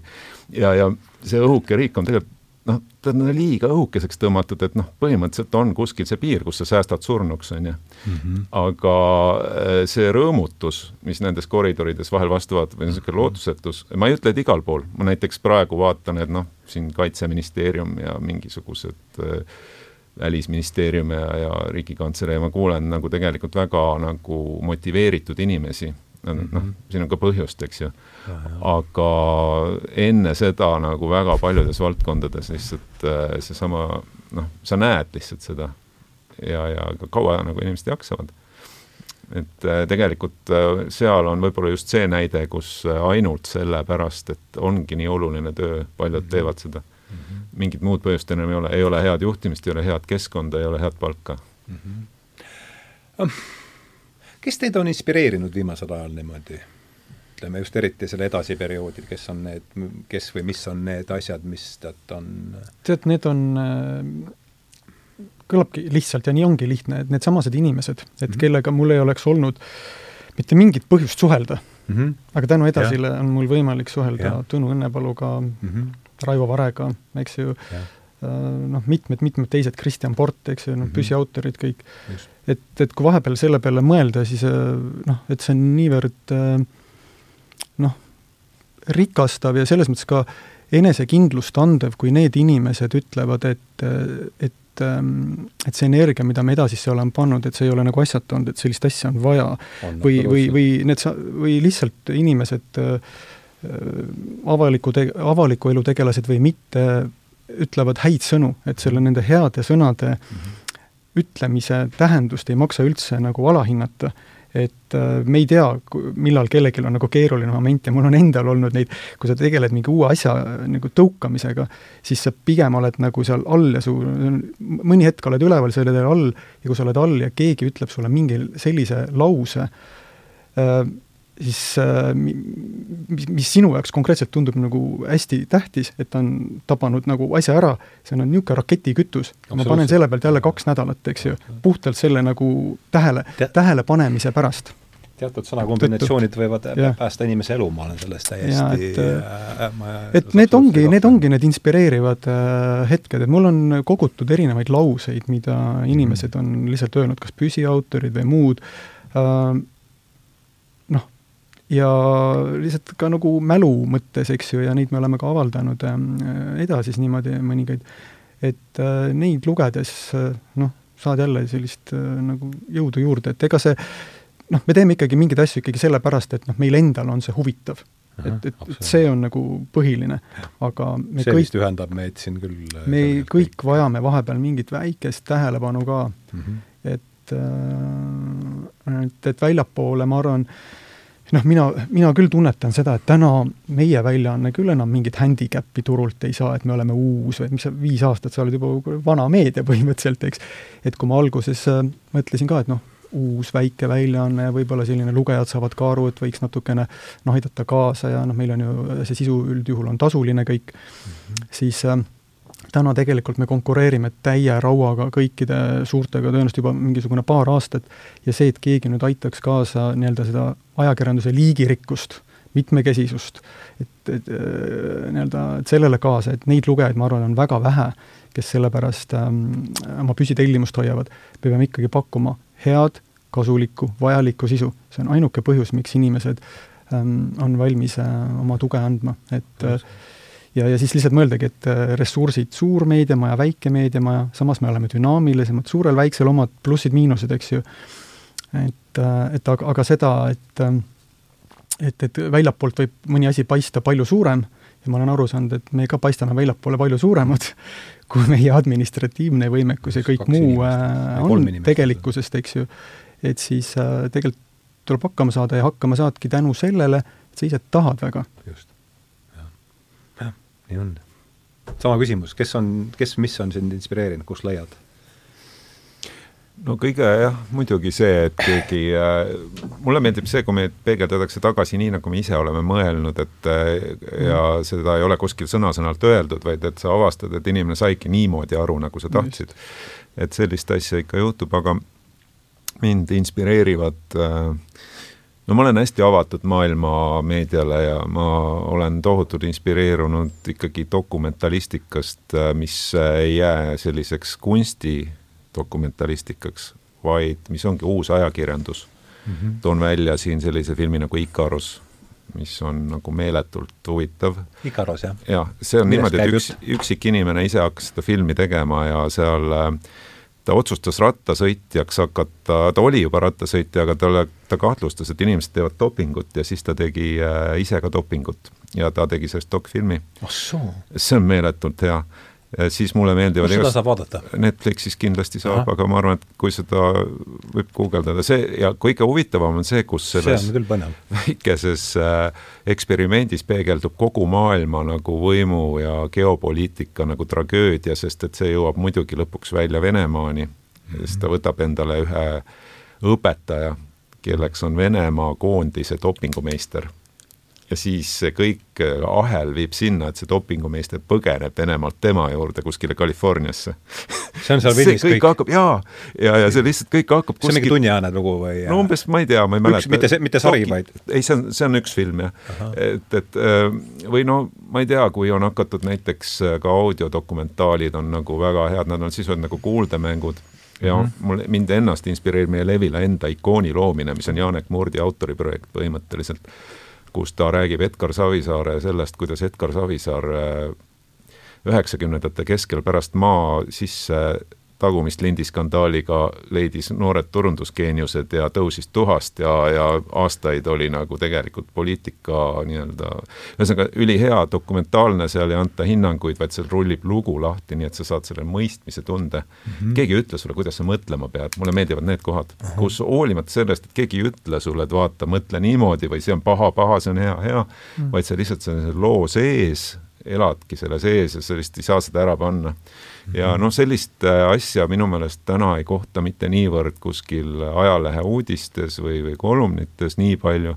kuigi edasisi on jumala lahedaid asju, ma ei ütle midagi, ja vaid et see on kuidagi selline, ajakirjandus on valgunud nagu äh, ka muudesse projektidesse mis varem võisid olla pigem nagu kunstilisema iseloomuga, siis nüüd nad on ajakirjanduslikumad, näiteks mhm. dokumentalistika, nii audio kui video. Mhm. ja, ja siis, kui võtta veel, et mis sa oled sinnapoole liikunud, see on mitu korda käinud läbi. oleme see... mitu korda ja proovime, aga see on nagu alati natuke kallim ja keerulisem, et seetõttu äh, on meil võib-olla noh, seda natuke vähem, kui tahaks, aga siiski on mm. -hmm. ja siis mulle meeldib väga nagu kõik see stand-up'i huumorimaailm, sest et see on see koht, kus saab rääkida asjadest nii, nagu nad nagu sa tahad, et öelda mm, -hmm. ilma et sa peaksid ennast tohutult tsenseerima. ja veel viimane asi, kui ma mõtlen, et kui ma olen järsku mõelnud, et see on nagu kadedaks tegevalt hea tekst, et ma vaatasin, sul on siin need tähenduse teejuhid on siin nagu need ajalehe numbrid on siin laua peal, et on selline raamat nagu Figuring mm -hmm. ja mhm. seda on väga raske eesti keelde tõlkida. Figuring tähendabki nagu arusaamas äh,, aru, tegeledes arusaamisega või, või midagi sellist, on ju, tegeledes mõistmisega ja selle autor on Maria Popova. Maria Popova. oi, see on nagu nii hea raamat, kuidas ta nagu, aga just tehnilist kirjutamise mõttes, võib-olla noh, ma ei tea, Hardo, sinu jaoks ta võib-olla ei ütle midagi uut, ta räägib päris palju naisteadlastest ja, ja ütleme ka mõtlejatest, aga aga see jõud, mis on selle teksti taga ja see, kuidas ta nagu esimesest reast tõmbab käima, ma tahaks, et selliseid tekste oleks nagu mm, -hmm. et kuidagi suudaks selliseid veel luua või, või tuua nagu. et sellised asjad inspireerivad mm. -hmm. tahad sa lisada? ei, nõus, et, et sellised tekstid panevad tahtma rohkem, rohkem lugeda, et see lugemine ei pea piin olema, eks ju et, et mm. Isaac Bashevis Singer ütleb, et igava, igavlevate lugejate jaoks ei ole omaette paradiis. selle, selle edasi kontseptsioonis, et ma sain päris, ütleme, kaks head mõtet kuidagi ühest Mihkel Muti esseest, kui ma seda edasit kokku kirjutasin enda jaoks, siis üks oli see, et et kui ta vastas nii-öelda küsimusele vist, et, et kuidas tema ilukirjandust püüab kirjutada mm. -hmm et äh, ma ei tea üldse, kuidas ta kirjutada püüab, et niimoodi, et targal oleks huvitav, aga iga loll saaks ka aru mm. -hmm nii et see on ka üks selline mõte, mida ma siis oma potentsiaalsete autoritega arutan. no miks lollil selline... ei või huvitav olla? kuidas? lollil võiks ka huvitav olla. ei, ei, et nad saaks aru, et see on see, mis sa ka enne vaata mainisid, et see tekst on nagu kõigile arusaadav mm., aga et, et, mitmekihiline. jaa, et, et ta on niimoodi, et inimene, kes sellest asjast teab, et tal on seda huvitav ja, lugeda. ja, ja, ja, ei ma ütlen, et täpselt sama asi.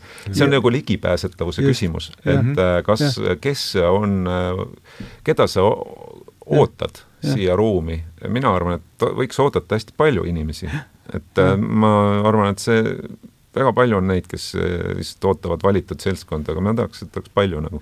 jah, et seesamane, et, et see iga päev me küsime arvamust nende inimeste ja. käest ka, kes ei, ei arva iga päev raha eest, eks, et see on no, näiteks just. just, ja seal on nagu see asi ka, et, et kuidas leida nendel teemadel, millest me noh, palju loeme, et ühel päeval on ühed teemad ühel ajastul, järgmisel perioodil on teised teemad ja üks tekst võib hakata teist kogu aeg kordama mm. -hmm. nüüd see, see võlu on selles, et kuidas leida, kas siis need kirjutajad või nemad oma originaalse mõtlemisega suudavad olemasolevas teemas pakkuda mingi uue üllatava nüansi ja sa jälle ütled, kurat, ma tahan seda lugeda mm. -hmm. see on mhm. äge pööre ja sina, Hardo, oskad näiteks niimoodi kirjutada, et ma olen hästi oskab, õnnelik, et sa ja, niimoodi ja. vahepeal meile kaastööd teed. võiks teha tihedamini, aga sul on see tähenduse teejuhid on ju. panen prillid ette. jaa, et äh, tähtis nagu pähe, et, äh, et, et see, et see on niivõrd põnev, sa hakkad mõtlema, ahaa, niimoodi saab ka mõelda ja siin on üks äh, see nurk, mis mul seal edasi kontseptsioonis veel oli kirjas, mis ma nüüd laenasin Mihkel Mutilt, mis on ka kõigile meile tuntud näide, on see, et kui me ütleme, et noh, hüüd ja hääl kõrbes et mis see mhm. tavatõlgendus sellel on, see on see, et keegi eksis ära. jah, et, et, et me teame, mis see on. aga siis ta kirjutabki, et aga vaata, et mõelda saab ka veel niimoodi, et et isegi kõrbest kostab üks hääl mm. -hmm. et isegi seal on keegi ja see hääl võib kasvada valjemaks ja nakatada teisigi. eks ja see on see maailma muutmise aspekt, mis mind väga kõnetas, et edasi, et ma näen ka nagu ühe sellise äh, ühe sellise momendina, et me, millega me haagime, et, et võimendada seda mõtteviisi ja seda innustavat ja harivat sisu, mis ei pea olema igav, et kui sa kedagi ei solva, eks ju, eh, siis selline ajakirjandus, noh, tähendab, ajakirjandus ei pea olema igav ja kuri. ometigi võib ta olla põnev. ja niimoodi seda maailma läbi selle nii-öelda, seda ruumi parandada ja laiendada. nii et, nii et see, see hästi, hästi kirjutajate ring tuleb eh, nagu üles leida ja vahepeal julgustada selle Hardo asja kohta tahaks öelda, et äh, kuna ma teda nagu tean ammust ajast, et siis äh, äh, mingi nullindate alguses või üheksakümnendate lõpus äh, olid nagu ainsad loetavad majandusanalüüsid olid tegelikult Eestis sinu kirjutatud. võib-olla siis tuli Kristjan Lepik, kes hakkas ka kuidagi kirjutama ja. teise võtme alt, aga noh, ta kirjutas rohkem nagu aktsiaturg ja, ja. mingid asjad, on ju ja Peeter ja, Koppel nüüd, eks ju, suudab hästi teha. nojah, aga et mhm. see, mis tolle aja keskkond oli, oli selline, et seal olid nagu hästi palju sellist nagu rägastikku nagu mingisugust mm. a la mingi tarbijahinnaindeks, tootjahinnaindeks. Need oli terve rodu oli neid indekseid. kuskil midagi toimus, on ju. Mm. kogu aeg midagi toimus. ja, see, ma põhimõtteliselt tegin enam-vähem selgeks, mis nad umbes olla võivad, aga no see ei aidanud mind kuhugi. aga siis tuli Ardo, alustas siin, et Eesti majanduses on valdavalt äh, valitsenud tüüned meeleolud või noh, mingi niisugune, see oli konkreetne lause umbes, millega üks analüüs algas, et no väga hea, ma saan aru, et on üldiselt suht lauge kõik siin ja noh, tore on ju, aga et mm. seda tol ajal üldse ei kasutatud, ma arvan, nüüd võib-olla on inimesed natuke avatumad, et võib-olla kasutavad isegi rohkemat, noh, nad saavad aru selle väärtusest, aga, aga tol ajal see täis nagu ja siis sa olid nagu niisugune värske õhk nagu korraks selle teemal. ainuke asi, mis ei ole kuhugi liikunud viimasel ajal, on Eesti krooni ja euro kurss, et see on püsinud kuusteist koma viis, kuus oota, kuusteist koma viis, kuus, neli. midagi sinnakanti ta on, jah. viisteist koma kuus ei olnud või? viisteist koma kuus. viisteist koma kuus. neli, kuus, kuus. äkki.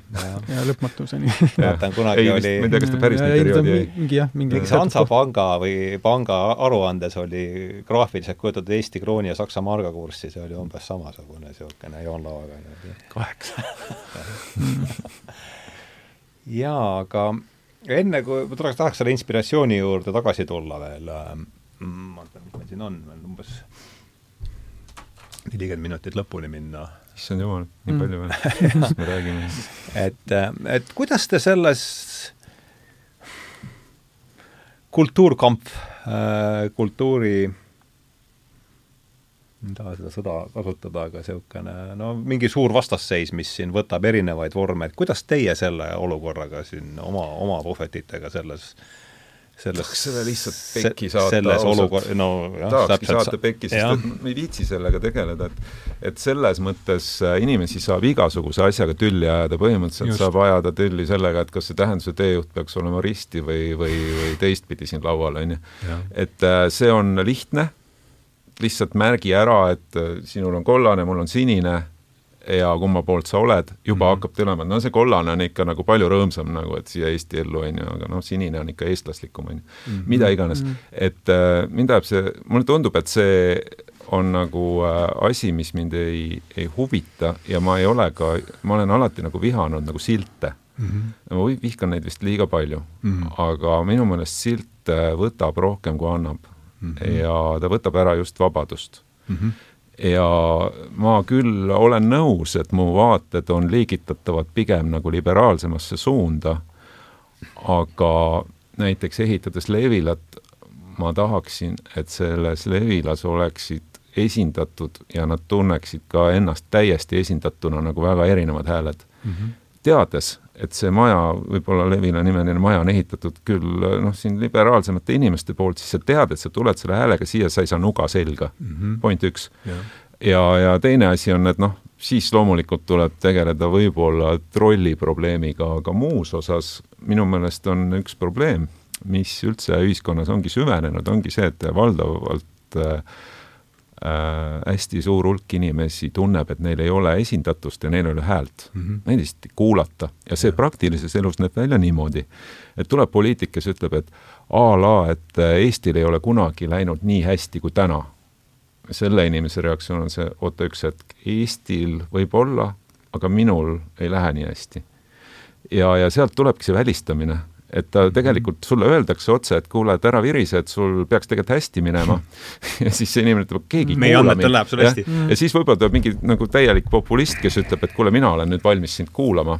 see populisti võimuses ei ole tema elu parandada, aga ta juba kuulamisega muudab noh, seda suhet mm. -hmm. ja, ja mul on tunne, et et hästi palju on selliseid välistavaid nagu esinemisi, kus nagu äh, Äh, ilma põhjuseta välistatakse nii-öelda loost inimesed ja seda teeb ajakirjandus ka hästi palju. et tegelikult kahjuks peabki nentima, et sageli ongi kallutatud no.. et sa loed nagu, kuidas esit-, ühte esitatakse ja teist esitatakse ja siis sa saad aru, et tegelikult noh, sellel toimetusel on mingi pind näiteks mingisugune a la Keskerakonnaga, on ju. ma, mul, mul võib ka olla, aga, aga see küsimus on see, kuidas sa sellega nagu toime tuled, et kuidas sa selle esitled ja kui sa näed, et Keskerakond tegi midagi, mis on nagu mõnes mõttes nagu väärikas näiteks, märkasid, üks inimene tegi mm. -hmm. sa annad talle selle mm. -hmm. jah, ta tegigi seda, mitte et äh, ei tea, et ta tegi seda sellepärast, teda sunniti. noh, ühesõnaga need olukorrad mängivad välja tegelikus elus niimoodi mm. -hmm. ja, ja siis sa välistad ja välistad seda teist kogu aeg ja lõpuks see noh, silostumine sealt ju kuskilt tulebki, on ju. Mhm. ja seetõttu ma arvan, et äh, mind ei kõneta need, ma, ma saan aru, et paljusid kõnetavad samas need nagu vastandused, aga mind ei kõneta isiklikult, mul on nagu suva neist mm, -hmm. ausalt see ka äh, täitsa nõus, et äh, ei kõneta ja, ja, ja noh, nagu ennem juba juttu oli, et, et see on alati valik, et, et iga mõtet ei pea tiražeerima. et see on mingisugune toimetuse valik, mida sa teed ja loomulikult on käsitletav, et kummal pool skaalat sa justkui oled, kui peab skaala peale just panema, eks ju mm, -hmm aga me tahaks ka teha sellist väljaannet, mis on tegelikult noh, kõikidele Eesti inimestele ja sõltumata nende sotsiaalsetest tunnustest või kus nad elavad või nende sissetulekutest ja see ühendav äh, moment on äh, uudishimu mm, -hmm. uudishimu maailma vastu mm. -hmm. sest noh, kõik inimesed põhimõtteliselt tahavad oma elus ju saada paremini hakkama. ja kui sa esimese lausena või, või esimese tekstina, mida ta satub lugema, ei lähe solvama seda lugejat, noh siis on ta juba nagu avatud, ta võib-olla on avatud ka teistele tekstidele yeah..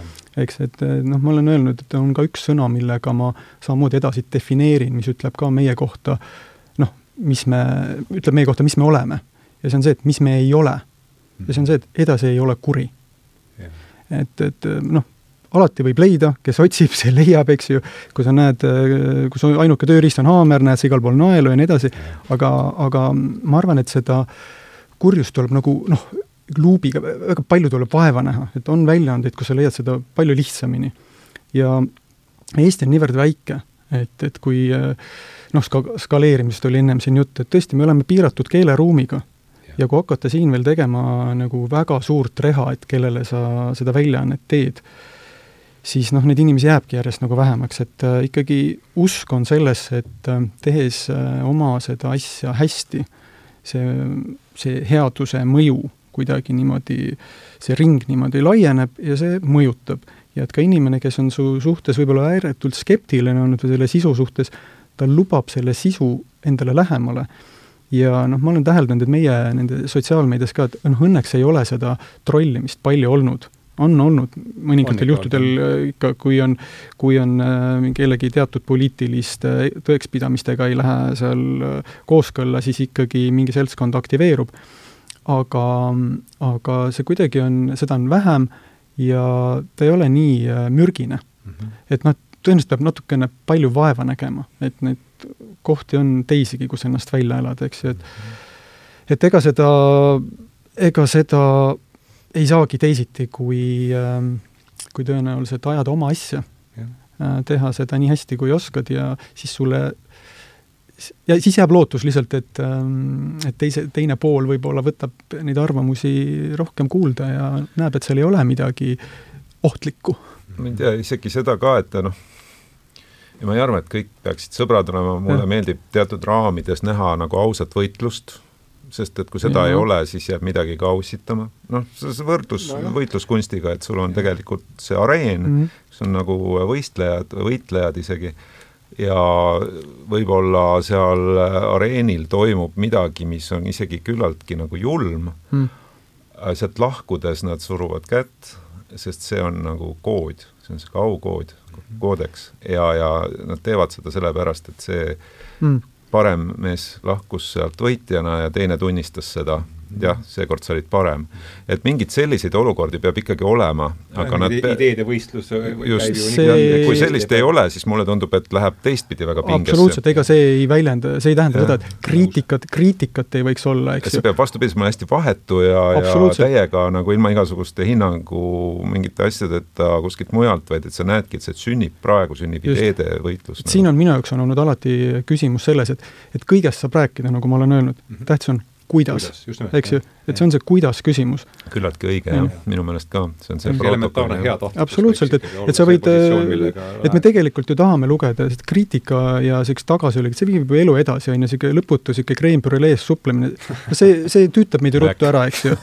et me tahame teada, et okei okay,, kus see areng, kus see tõuge oli, sa küsid ka, et kust mingi asi alguse sai. algu need asjad, alguse saavad ikkagi teatavat laadi hävingust, eks ju mm. -hmm. ja, ja nüüd on see kirjelduse koht, et kuidas me siis sealt nüüd äh, Hardo oli kohe väga huvitatud selle sinna jutu peale. ta saatis ju meile väikese tekstijupi. jaa, ma tahtsin, praegu on hea siin. ma si sidusin nüüd selle siis ära. jaa, ilusti, andsid väga hea söödu, ma tahtsin äh, selle lõputu suplus creme brülees. jah seal, kusjuures noh, see on pigem ju creme brüleel on vaata gaas peal ju, see on, käib selle suhkru kõigepealt samas on ta küllaltki maitsev muidugi. aga, aga mõõdukas koguses. aga kas terve päev saad creme brüleed megaokse? et, et tegelikult ega kui paneks ikka kiloga ja supilusikaga, siis et tegelikult on see vaata niisugune vastuolu, et, et kui sa midagi saavutad, see on tore ju seal mäe tipus natukene hurraad võtta ja võtad seal creme brülee, aga pikalt seal olla on igav. on ju, tegelikult suurem äh, rahulolu tekib sellest teel olemisest ja, ja sellest pusimisest, on ju, ja mida sa siis vahepeal sajatad, et kas nüüd peab nüüd just nii raske olema, on ju. aga kui võrrelda jällegi, et siis see seisund on palju äh, ägedam, kui olla kuskil äh, lihtsalt päikselisel aasal, eks ju, kogu aeg. aga ma kasutan ära siis selle hea söödu, mis sa mulle andsid ja ja ma ei tea, mis ta, mis põh-, äh, ma võin siin arutada mm. ja see on ka viimane pool tundi, ma üritan endast aru saada, miks mm. see, miks see kuidagi niimoodi, miks see mulle niimoodi see oli väga, oli kodeeritud tekst verre läks, aga ta läks otse verre ja mm. ja ma loen ta ette kõigepealt inglise keeles ja siis äh, annan tõlke ja, ja siis arutaks selle üle, et siin järelejäänud mm. ajad, mida ta siin tahab meile öelda, ta tsitaat tuleb, tsitaat, ma loen inglise keeles kõigepealt, a man who is born falls into a dream like a man who falls into the sea.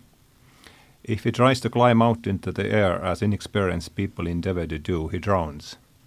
The way is to the destructive elements submit yourself, and with the exertions of your hands and feet in the, in the water make the deep, deep sea keep you up. In the destructive element immerse ja see on siis Joseph Conradi äh, romaanist äh, Lord Jim, mida ma nüüd hakkasin uuesti üle lugema ma selle kohani ei ole veel jõudnud, aga Tammsaare on ta tõlkinud meil siis niimoodi, selle koha, et inimene, kes selleks sündinud, langeb unistusse, nagu teine inimene langeb merre. kui ta katsub välja õhku ronida, nagu teevad vilumatud, siis upub, siis upub ta. ei, mina ütlen teile, purustavaile loodusjõududele tuleb alla heita ja oma käsi ning jalgu pingit, pingutades tuleb sügavat-sügavat merd sundida end peal kandma. nõnda on lugu, kui küsite minult, kuis olla sukelduda hävitavasse, sukelduda hävitavasse loodusjõudu. nagu ma äh, ma või jah, ühesõnaga, mis äh,, läheme nüüd üle assotsiatiivsele mõtlemisele esimene assotsiatsioon, et äh, tuleb liikuda oma hirmude poole, mitte neist eemale.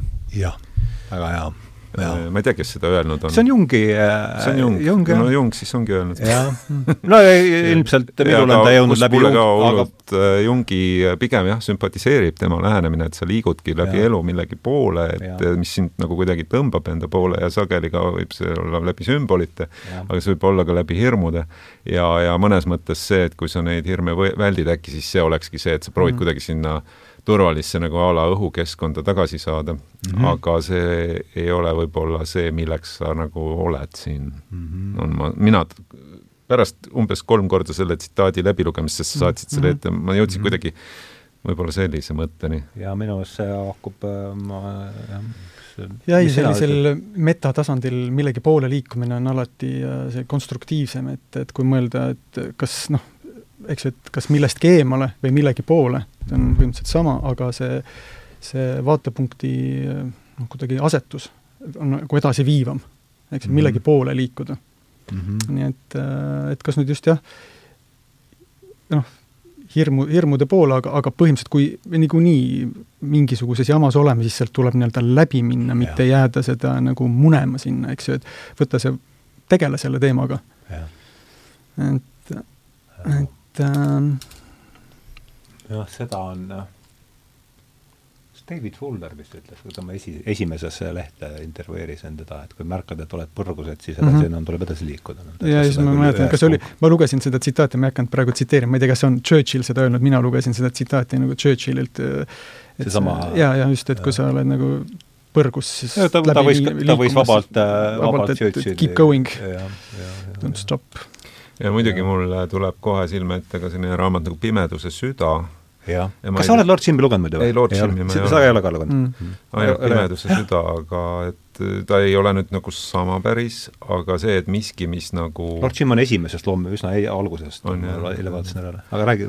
et, et miski, mis on ühteviisi nagu õudne, aga samas ka õi-, mitte õige, vaid tõe, tõde nagu, et ja mingi ka võib-olla täiesti võõras ja absurdne nagu ja, ja noh, lõpuks ma ei, tegelikult ei olnud valmis rääkima raamatust Pimeduse süda, kuid ma saan aru, et äh, lõpuks on see, mida sa näed nagu juhtumas, et see, et sa ei näe juhtumas seda, mis sa näed juhtumas, vaid sa näed iseennast selle taustal, kus sul nagu enda sees paljastub see mingi mm -hmm. pimeduse süda nii-öelda et see on küll väga amatöörlik kirjandusanalüüs siin praegu, aga noh, see on niisugune nagist võetud mm -hmm. praegu kiiresti, aga aga et seal on nagu ajakirjanduse mõttes muideks ka väga huvitav, et läheb küll korraks sellest mereteemast kõrvale, aga et ajakirjanikud sageli kirjutades enda arvates allikast, kirjutavad hoopis endast ja, ja saab nende, nende kohta ka nagu palju teada, aga siis on hästi oluline, et sa tegelikult teaksid, kus ta seisab ja mis ta teeb. Sest et mm -hmm. siis sa saad aru lõpuks, kuidas ta suhtub sellesse allikasse või millessegi.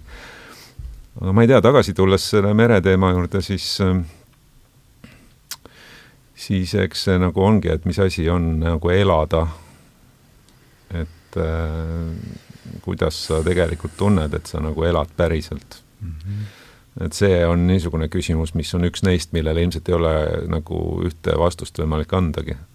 No mida me oleme siin arutanud äh, täna ühe teise kandi pealt, eks. jah, et kui no pigem see võib öelda läbi selle tsitaadi, et noh, jällegi, et sa pead äh, võtma vastu selle, mis sul nagu, mis, mis sinu aeg on ja mis sinu ümber on, et, et sellest ja. mitte nagu peitu joosta nagu ja. äkki jah, ma arvan, see mulle, see, no Jung tuli mulle läbi, eks ta, ma arvan, et võib-olla kui ma vaatan oma elu siin nagu vähe pikema, siis võib-olla viimase kümne aasta kõige olulisem ongi niisugune jungiaanlik mm -hmm. pööre mu enda jaoks olnud, et ma oma mitte, et ma oleks nüüd Jungis seal näpuga äh, väga raskesti minu jaoks ligipääsetav üldse, aga aga see Peterson tõi ta minu jaoks äh, Äh, maale ja ja see haakub väga hästi, ta, Peterson korduvalt rääkis sellest, ma ei mäleta, kuidas see sentents ingli-, ladi-, ladina keeles on see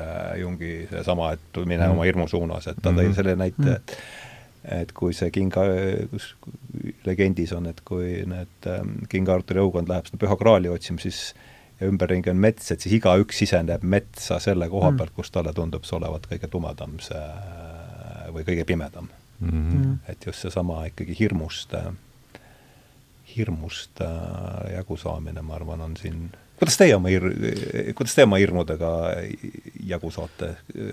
et elu ikka õpetabki, et see tulebki nii, et see on see tuleb ära kannatada, et sa lihtsalt pead sellega tegelema mm. -hmm. selle mõtte lõppu lihtsalt äh, tahtsin öelda, mis sa siin rääkisid ka või selle hirmu mm -hmm. nii-öelda embamisest või see hirmu poole minemisest, et mulle meenus, et seal ma käisin sellisel äh, coach'i koolitusel, mille nimi oli lahenduskeskne coaching, see, millest ma alguses ka rääkisin, ja seal oli just see mõte, et noh, millegi poole, millest eemale ja mõte just selles, et äh, minevikku minnakse täpselt nii palju sorkima, kui palju sealt on positiivset nagu kaasa võtta ja siis edasi liikuda mm. -hmm. et ei urgitseta nagu mingisugustes äh, noh, nii-öelda jamades, kuigi endaga tuleb, enda tunnete sisemaailmaga tuleb niisama ka tööd teha, aga aga aga, aga jah, et hirmudega tegelemine on see, et kõigepealt nagu iga asjaga, et võtta kätte ja noh, suudle seda konna, eks ju mm. -hmm. hakka tegelema et seda nagu, see edasitõukamine, see nagu trenni minemisega või, või millegiga, et no homme hakkan tegelema, ega see ainult niimoodi, sa tõukad seda edasi, sa samal ajal tead, mis on õige vastus. Et, äh, et mis sa tegema peaks. lihtne öelda teinekord, aga raske ellu viia. ma, aga, aga nii ta on, ma olen nõus, täiesti nõus mm. -hmm.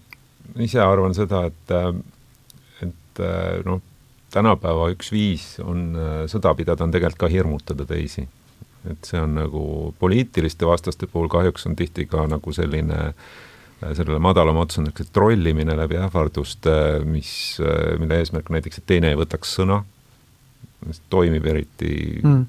noh, mingites avalikus sfääris juba ammu toimib päris hästi, siis on äh, ühiskonna hirmutamine läbi näiteks mingisuguste noh, noh, ütleme, Eesti piir ja seda rikub, Eesti piiri rikub äh, Venemaa hävitaja mm. -hmm. mis selle point on? Ebakindluse tekitamine mm. -hmm. mingi hetk oli nii, et ajakirjandus raporteeris iga piiri üle nagu rikkumist. see oli põhimõtteliselt, see võib olla niimoodi, et nädalas on kümme korda sest kogu aeg see tuh-tuh-tuh, mingi asi käib, käib, nüüd nad teevad seda nii, et nad ütlevad umbes, et äh, mingi viimase kuu aja jooksul oli X korda, on ju. Aga et äh, sellist nagu ebakindlust ja ärevuse nagu aspekte, pluss siis veel nagu tegelikud uudised, kus noh, hästi palju jõuab nagu igast probleemidest, noh, kes mida probleemiks peab, aga igal juhul ta saab selle uudise mm -hmm. kätte, et kuskil see probleem on, on ju. Mhm et, et siis nende kõigi hirmude suunas minemine ühel hetkel muutub minu meelest väga keeruliseks et kuidas sa lähed igale poole, kui igal pool on hirmus, on ju. ja siis äh, minu jaoks on see nagu pidepunkti küsimus tekib ja see pidepunkt on luua ise midagi see päev just muud varianti ei ole, kõik muud ei oska, see on ainus, mida on, et kui me täna suudame midagi luua, midagi kirjutada, mingisuguse asja kuskil korda teha, siis see ongi see ainus asi, mis millega aitab hirmuga tegeleda. see on see, et ja. mida öeldakse, et üks asi korraga, üks, maailma parandatakse üks vestlus korraga, mis tuli coach imist, aga see, see on üks asi korraga. et mm -hmm. kui sa võtad, et, et kõik on nagu nii suur ja. Äh, ülesanne, siis mm -hmm. see tundub jube palju, see overwhelming tunne. aga mul tekkis selle hirmu koha pealt veel, et kuidas sellega tegeleda, et et noh, et minu jaoks äh, nagu ongi väga hea praktiline näide on äh, see, see edasi, et kui ma alguses ütlesin, et et noh, kes olen mina, mis mu hirm oli, eks ju, et, et ma pole ajakirjandust õppinud, eks ju, ja mida teised arvavad. nii hea idee on, et miks siis ja, ja, ja, ja et, et, et, et mis siis, kui äh, välja ei tule, teised hakkavad naerma.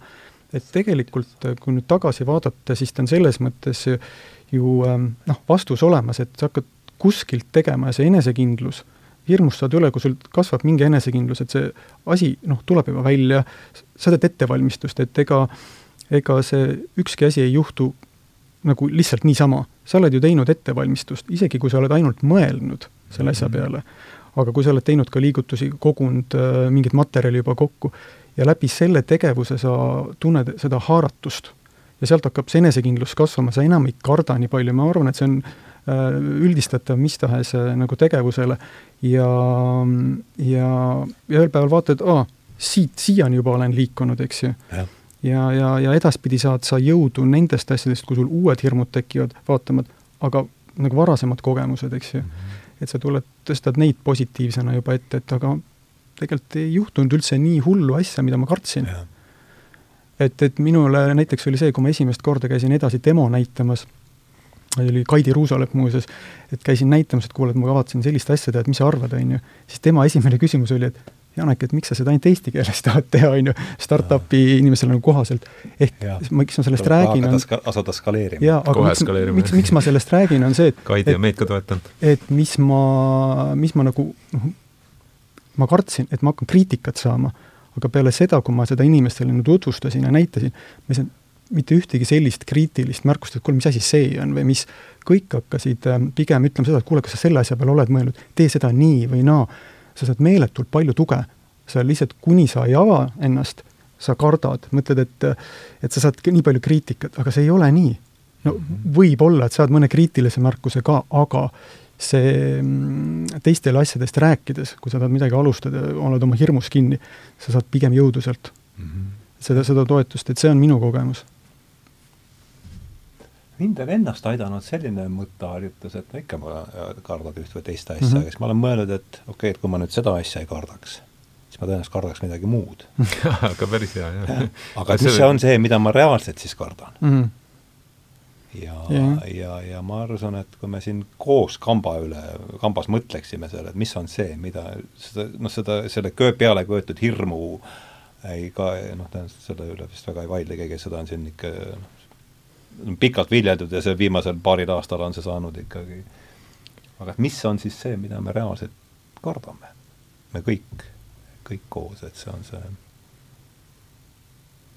eks see viga kuidagi meid sinna viib selle viimase vaatuse juurde ikkagi ära ühe, ühel või teisel viisil. maailma lõppu. nojah, noh, eks meie üks teooria on ju see, et iga inimese surm on ühe maailma lõpp, eks, et mm -hmm. Mutt oma selles ühes essees ütleb selle peale, et, et et kuidas sellest meeleheitest äh, mõttest pääseda, on see, et sa saad aru, et sa oled vähemalt õiges suunas ujunud mm. -hmm. lohutad ennast millal sa aru saad sellest? ei no vaata, et kui sa nagu äh, noh, mõtled, et mida karta või kuidas, äh, et mis see lõplik asi on, eks et noh mm., tuleb, mis tuleb, eks ju, et sa saad ennast lohutada ainult sellega, et sa oled äh, teinud oma elus mingeid selliseid asju mm, -hmm. mis viivad sind nii-öelda nagu kalda poole, kas sa nüüd sinnani jõuad, eks ju. jah aga et tuleb meelde kalda poole assotsiatsiooni mingi, kui saksa keelt õppisin, siis olid mingid väiksed vihikud, tead, Stefan Zweig oli tõmmatud niimoodi, tehtud tast mingi niisugune ümberjutustuskeele õppijale ja seal oli ühest vene, vene sodorist, kes oli Genfis. tead, paika, ta oli Baikali äärest pärit mm. ja ta arvas, et kui ta nüüd üle Genfi järve ujub, et siis ta jõuab koju, noh kujutad ette, noh mm -hmm., see on siiamaani meelde jäänud, niisugune kodutee. kodutee, jah, järv oli selline. mingi, mingi sellise kujundina, ja noh, ta uppus ja siis ta siis lõpuks, see kaldakujund, päris mm -hmm. päris hea. liigutav lugu oli, jah ja. kujuta ette need inimesed. nabitakse sind Paikeri ääres kinni ja järgmine hetk oled Genfis. Jesus Christ. et tuleb seda päeva nautida vist. jah vist küll, jah, ma mäletan, kui me see uh -huh. leht tuli päevakorda, siis esimene, esimene kohtumine, kus meil olid seal Jüri ja ja et noh, et ükskõik mis, aga seda morbot ei hakka küll ju juurde genereerima, et seda mm -hmm. on ja see, ma arvan, on meil vist mm -hmm. nii palju, kui ma teid tunnen ja tegemist tean, et see vist on ka ühine asi, mis, mis no, no ma ei tea no vahel oleme ikkagi Levilas läinud väga tõsiste teemade kallale. no see ei tähenda jah, ta ei välista tõsi, et aga teistmoodi, te olete teinud teistmoodi seda?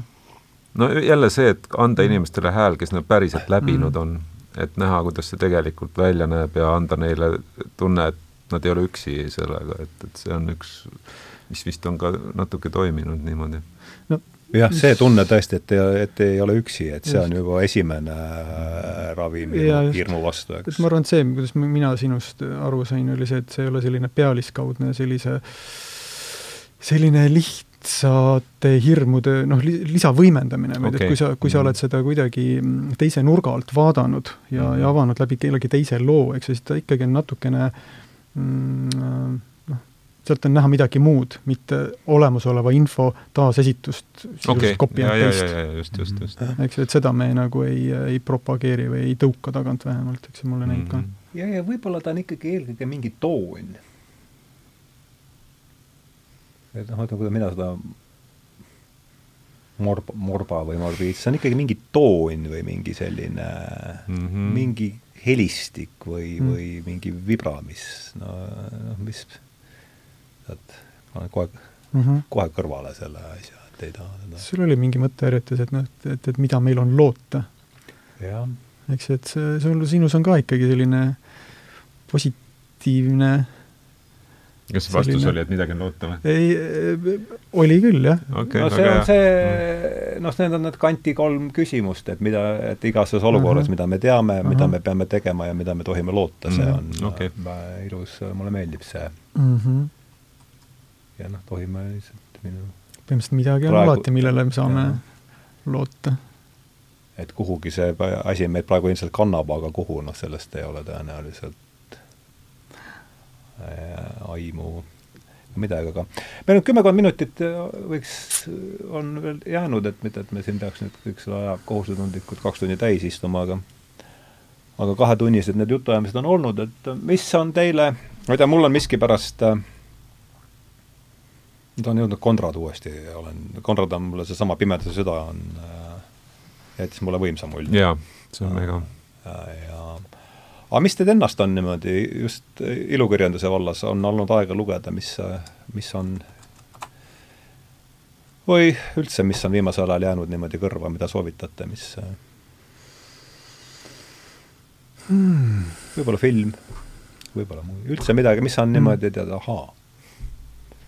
Et see on nüüd see, mis ma viimati, ütleme kinos on ka saadud ju viimasel ajal üldse ju harva käia ja üldse aeg on ju olnud selline, nagu ta on olnud, aga mis mul kohe hüppas pähe, me käisime täitsa nagu firma ja oma kaasautoritega ja isegi lugejaid kutsusime vaatamas filmi Prantsuse lähetus. Wes Anderson. Wes Andersoni film jah, et et lähetus jah? jah, et noh, see on ka nagu New York, üks meie eeskujusid või ütleme see, kust ma ka mingeid inspiratsioone olen ammutanud, on New Yorker.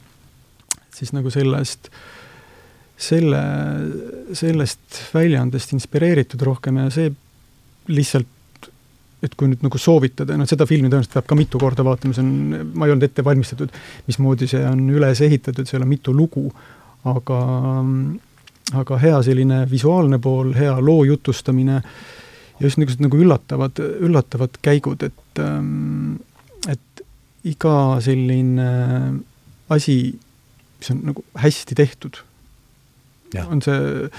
muusika, ma ei tea, on see loominguga seotud, on see mingi, mingi tööalane asi, me tunneme tegelikult selle ära, eks, et teine asi on see, et kas noh, on see meie maitse või ei ole, meeldib või ei meeldi, aga me tunneme ära, et see ei ole juhtunud lihtsalt niisama, et siin on äh, kuidagi mingi pühendumus taga, see tekitab alati sellist äh, noh, nagu sümpaatiat mm. -hmm. et see on selline lugupidamise küsimus ja, ja see oli üks asi, mis mulle väga meeldis, et loomulikult selliseid asju ei juhtu iga päev Äh, selliseid tekste ei, ei, ei, ei saa, ei saa luua nagu iga päev, on ju, seal tuleb vahepeale ka midagi, mingit mörti panna, on ju. aga, aga see kuidagi tekitas jälle selle tunde, et tasub pingutada mm. -hmm. et kui, kui lõpptulemus on midagi sellist, siis see vaev on, vaev on põhjendatud mm. -hmm. See meenus nagu esimese hooga. minu puhul on tegemist praegu inimesega, kes on väga sügavas nagu loomingulises kriisis mõnes mõttes, ma kirjutan raamatut ja see hakkab kohe järjejutuna Levilas ilmuma ka. Eh, Kersti Kaljulaiu ametiajast, aga noh, ta on kuidagi veel niimoodi, et ma nagu sain ligipääsu, salvestasin kõike seal nagu Aha. isegi siis, kui võib-olla ei oleks tohtinud ja see noh, tuleb selline äh, järjejutt, aga selle nagu taustamõte on see, et äh, ma ei suuda lugeda praegu ilukirjandust ega üldse kirjandust, ma teen seda närviliselt, lugedes kiirelt algusi, mingeid mm. lõike, lihtsalt otsides mingisuguseid haake, mingit konks- mm, -hmm. jõudes ise mingisuguse mõtteni. eesmärk on äh, eesmärk on oma teksti ja. proovida lihtsamaks ajada, teha seda kujundlikumaks ja loetavaks, aga siis õhtul vaatad mm, -hmm. see on nagu jama täielik sa hoiad ta nagu nädal aega kuskil, et üldse ei vaata, siis avastad, et võib-olla selle lause võiks jätta, et ma nagu selles nagu tohutus nagu ja siis ainus asi, mida ma nagu normaalselt saan vaadata praegu, on filmid. ja, ja filmidest ma vaatasin tegelikult üle seoses Ukrainaga ühe tohutult sooja ja nagu ägeda ja samas ka natuke ka noh, mitmes mõttes väga kurva filmi, äh, mida ma julgen ka soovitada, kui seda kuskilt saab, et seda on päris raske saada kuskilt, äh, on äh, no ma arvan, mingi viisteist aastat vana film Everything is illuminated ja ma ei tea, kas see on eesti keelde tõlgitud siis, et kas kõik kelle film see on siis? Kuule, ma ei tea peast. ukrainlaste enda? ei, ei, ei, Hollywoodi film ah.. see mees, kes mängib seda kääbikut on seal peaosas naljakal kombel, täiesti mhm. tõsises rollis. ja siis seal on üks mustlaspunk bändi mees, kelle nime ma ka ei mäleta, aga selle bändi nimi on Gogol Bordello. ja Aha. siis seal on näha nagu sellist kultuuride nagu clash'i, et see on põhimõtteliselt on niimoodi, et üks Ameerika juut tuleb äh, äh, tagasi Ukrainasse Äh, oma nii-öelda mingisugust vanaisa või vanavanemate lugu otsima.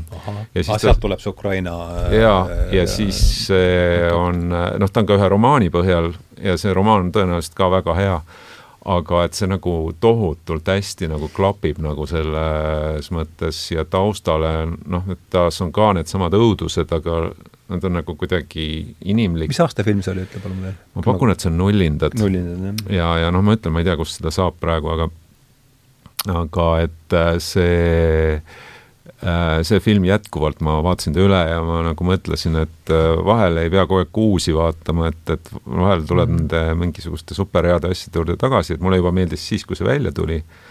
ja, ja et noh, kui nagu küsida, et mis see viimane asi oli, siis oli see mm. -hmm.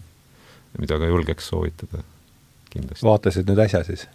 pärast, pärast kaks-kolm nädalat tagasi pärast seda, kui see trall pihta hakkas? Jaa, et rall oli pihta hakanud jah mm, -hmm. jah, just. nojah, aga me elame nüüd, võiks teha veel nüüd siis lõpuringi, et ähm, mida see kõik siis nüüd tähendas? mida see kõik rääks? siis tähendas ja mida raadiokuulaja nüüd peaks hakkama kohe tegema alates kella nelja? pange raadio kinni ära, aitab küll mäletan, et äh, kunagi andsi, äh, Kuku raadiole andsin, siis oli Itaalia võlakriis parajasti hakanud käima, see pidi olema mingi kaks tuhat üksteist siis või ta, siis Debelak oli teisel pool ja tema mm. oli, et ega siin raadiokuulajal ei olegi midagi muud öelda, kui et jätkame harjutusi aga esitage palun siis oma harjutuste nimekiri, et seda me juba teame, et tuleb jätkata harjutusi, aga milliseid, milliste harjutustega jätkata?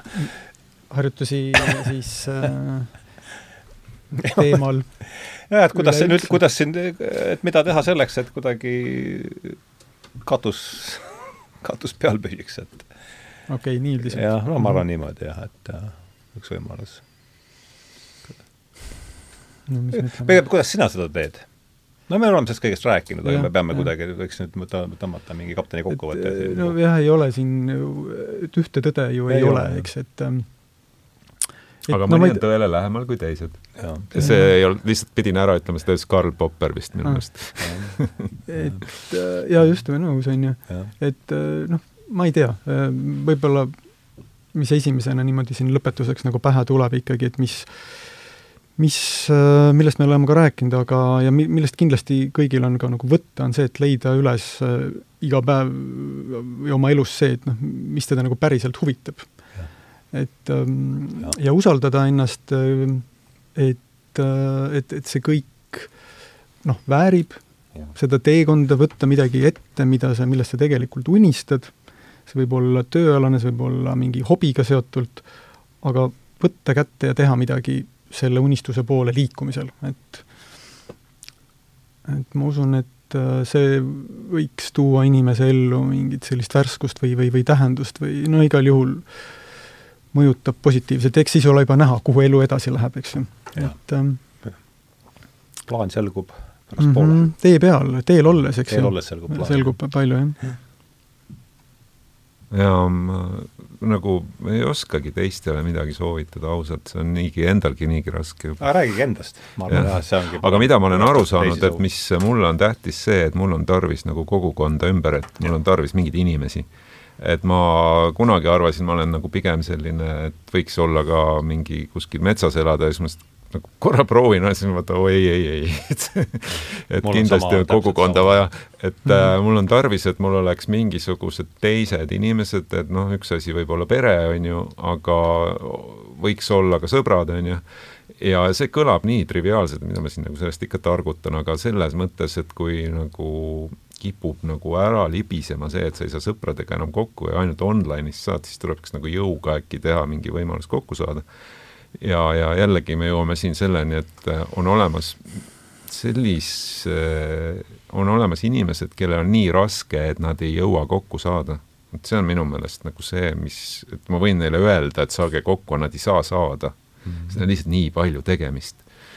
Neil on võib-olla üksikvanem mingi nelja lapsega või ma ei tea, mida iganes, on ju, kaks töökohta.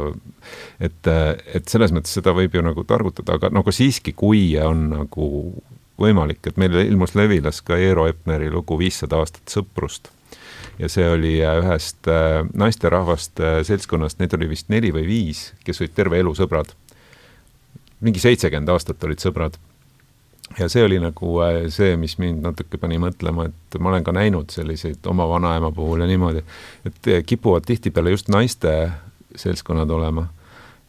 aga ma usun, et ka meeste omad on sellised täitsa võimalikud et äh, naljakal kombel täitsa teine põlvkond, täitsa teine kontekst, aga ma selle loo peale ka ajasin mingeid sõpru kokku ja hakkasime nagu tihedamini käima lihtsalt söömas näiteks. ma ei tea, mul on väga vabandust, kui see on nii lihtsakoeline nõuanne siia lõppu sai nagu see on vaja järele proovitud, järele proovitud asju, mis, mis, mis töötab, et et ei jõua teid ära tänada aitäh. äkki jõuad ikka aga aitäh kutsumast, mega mõnus, niisugune äh, tavaliselt on ikka lühemad, et siis ei jõua pooli asju ära rääkida. jah, mulle tundub, see kahetunnine ja kolmekesi on just see, mis on kuidagi tundub okay., et see kolme ke-, füüsikas on see kolme keha probleem, et Jep, ei tea, kuhu aimamatu, asi, kuhu, kuhu asi läheb, et see arvutamatu.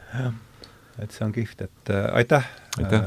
äh, Daniel Vaarik, Janek Uibo tulemast ja ja pusime siis edasi ja mm. -hmm. ja mulle meeldis see, et ikkagi tuleb minna, siin oli palju häid asju, see sinu poelugu äh, ja, ja seesama ikkagi, et minna hirmu suunas, mitte eemale, see tundub, haakub ka minu kogemuse sellest asjast, aga et mis ma mm., pole siin ju vaja enam targutada midagi. midagi äh, kuulajatele ise ka edasimõtlemiseks. just, jah.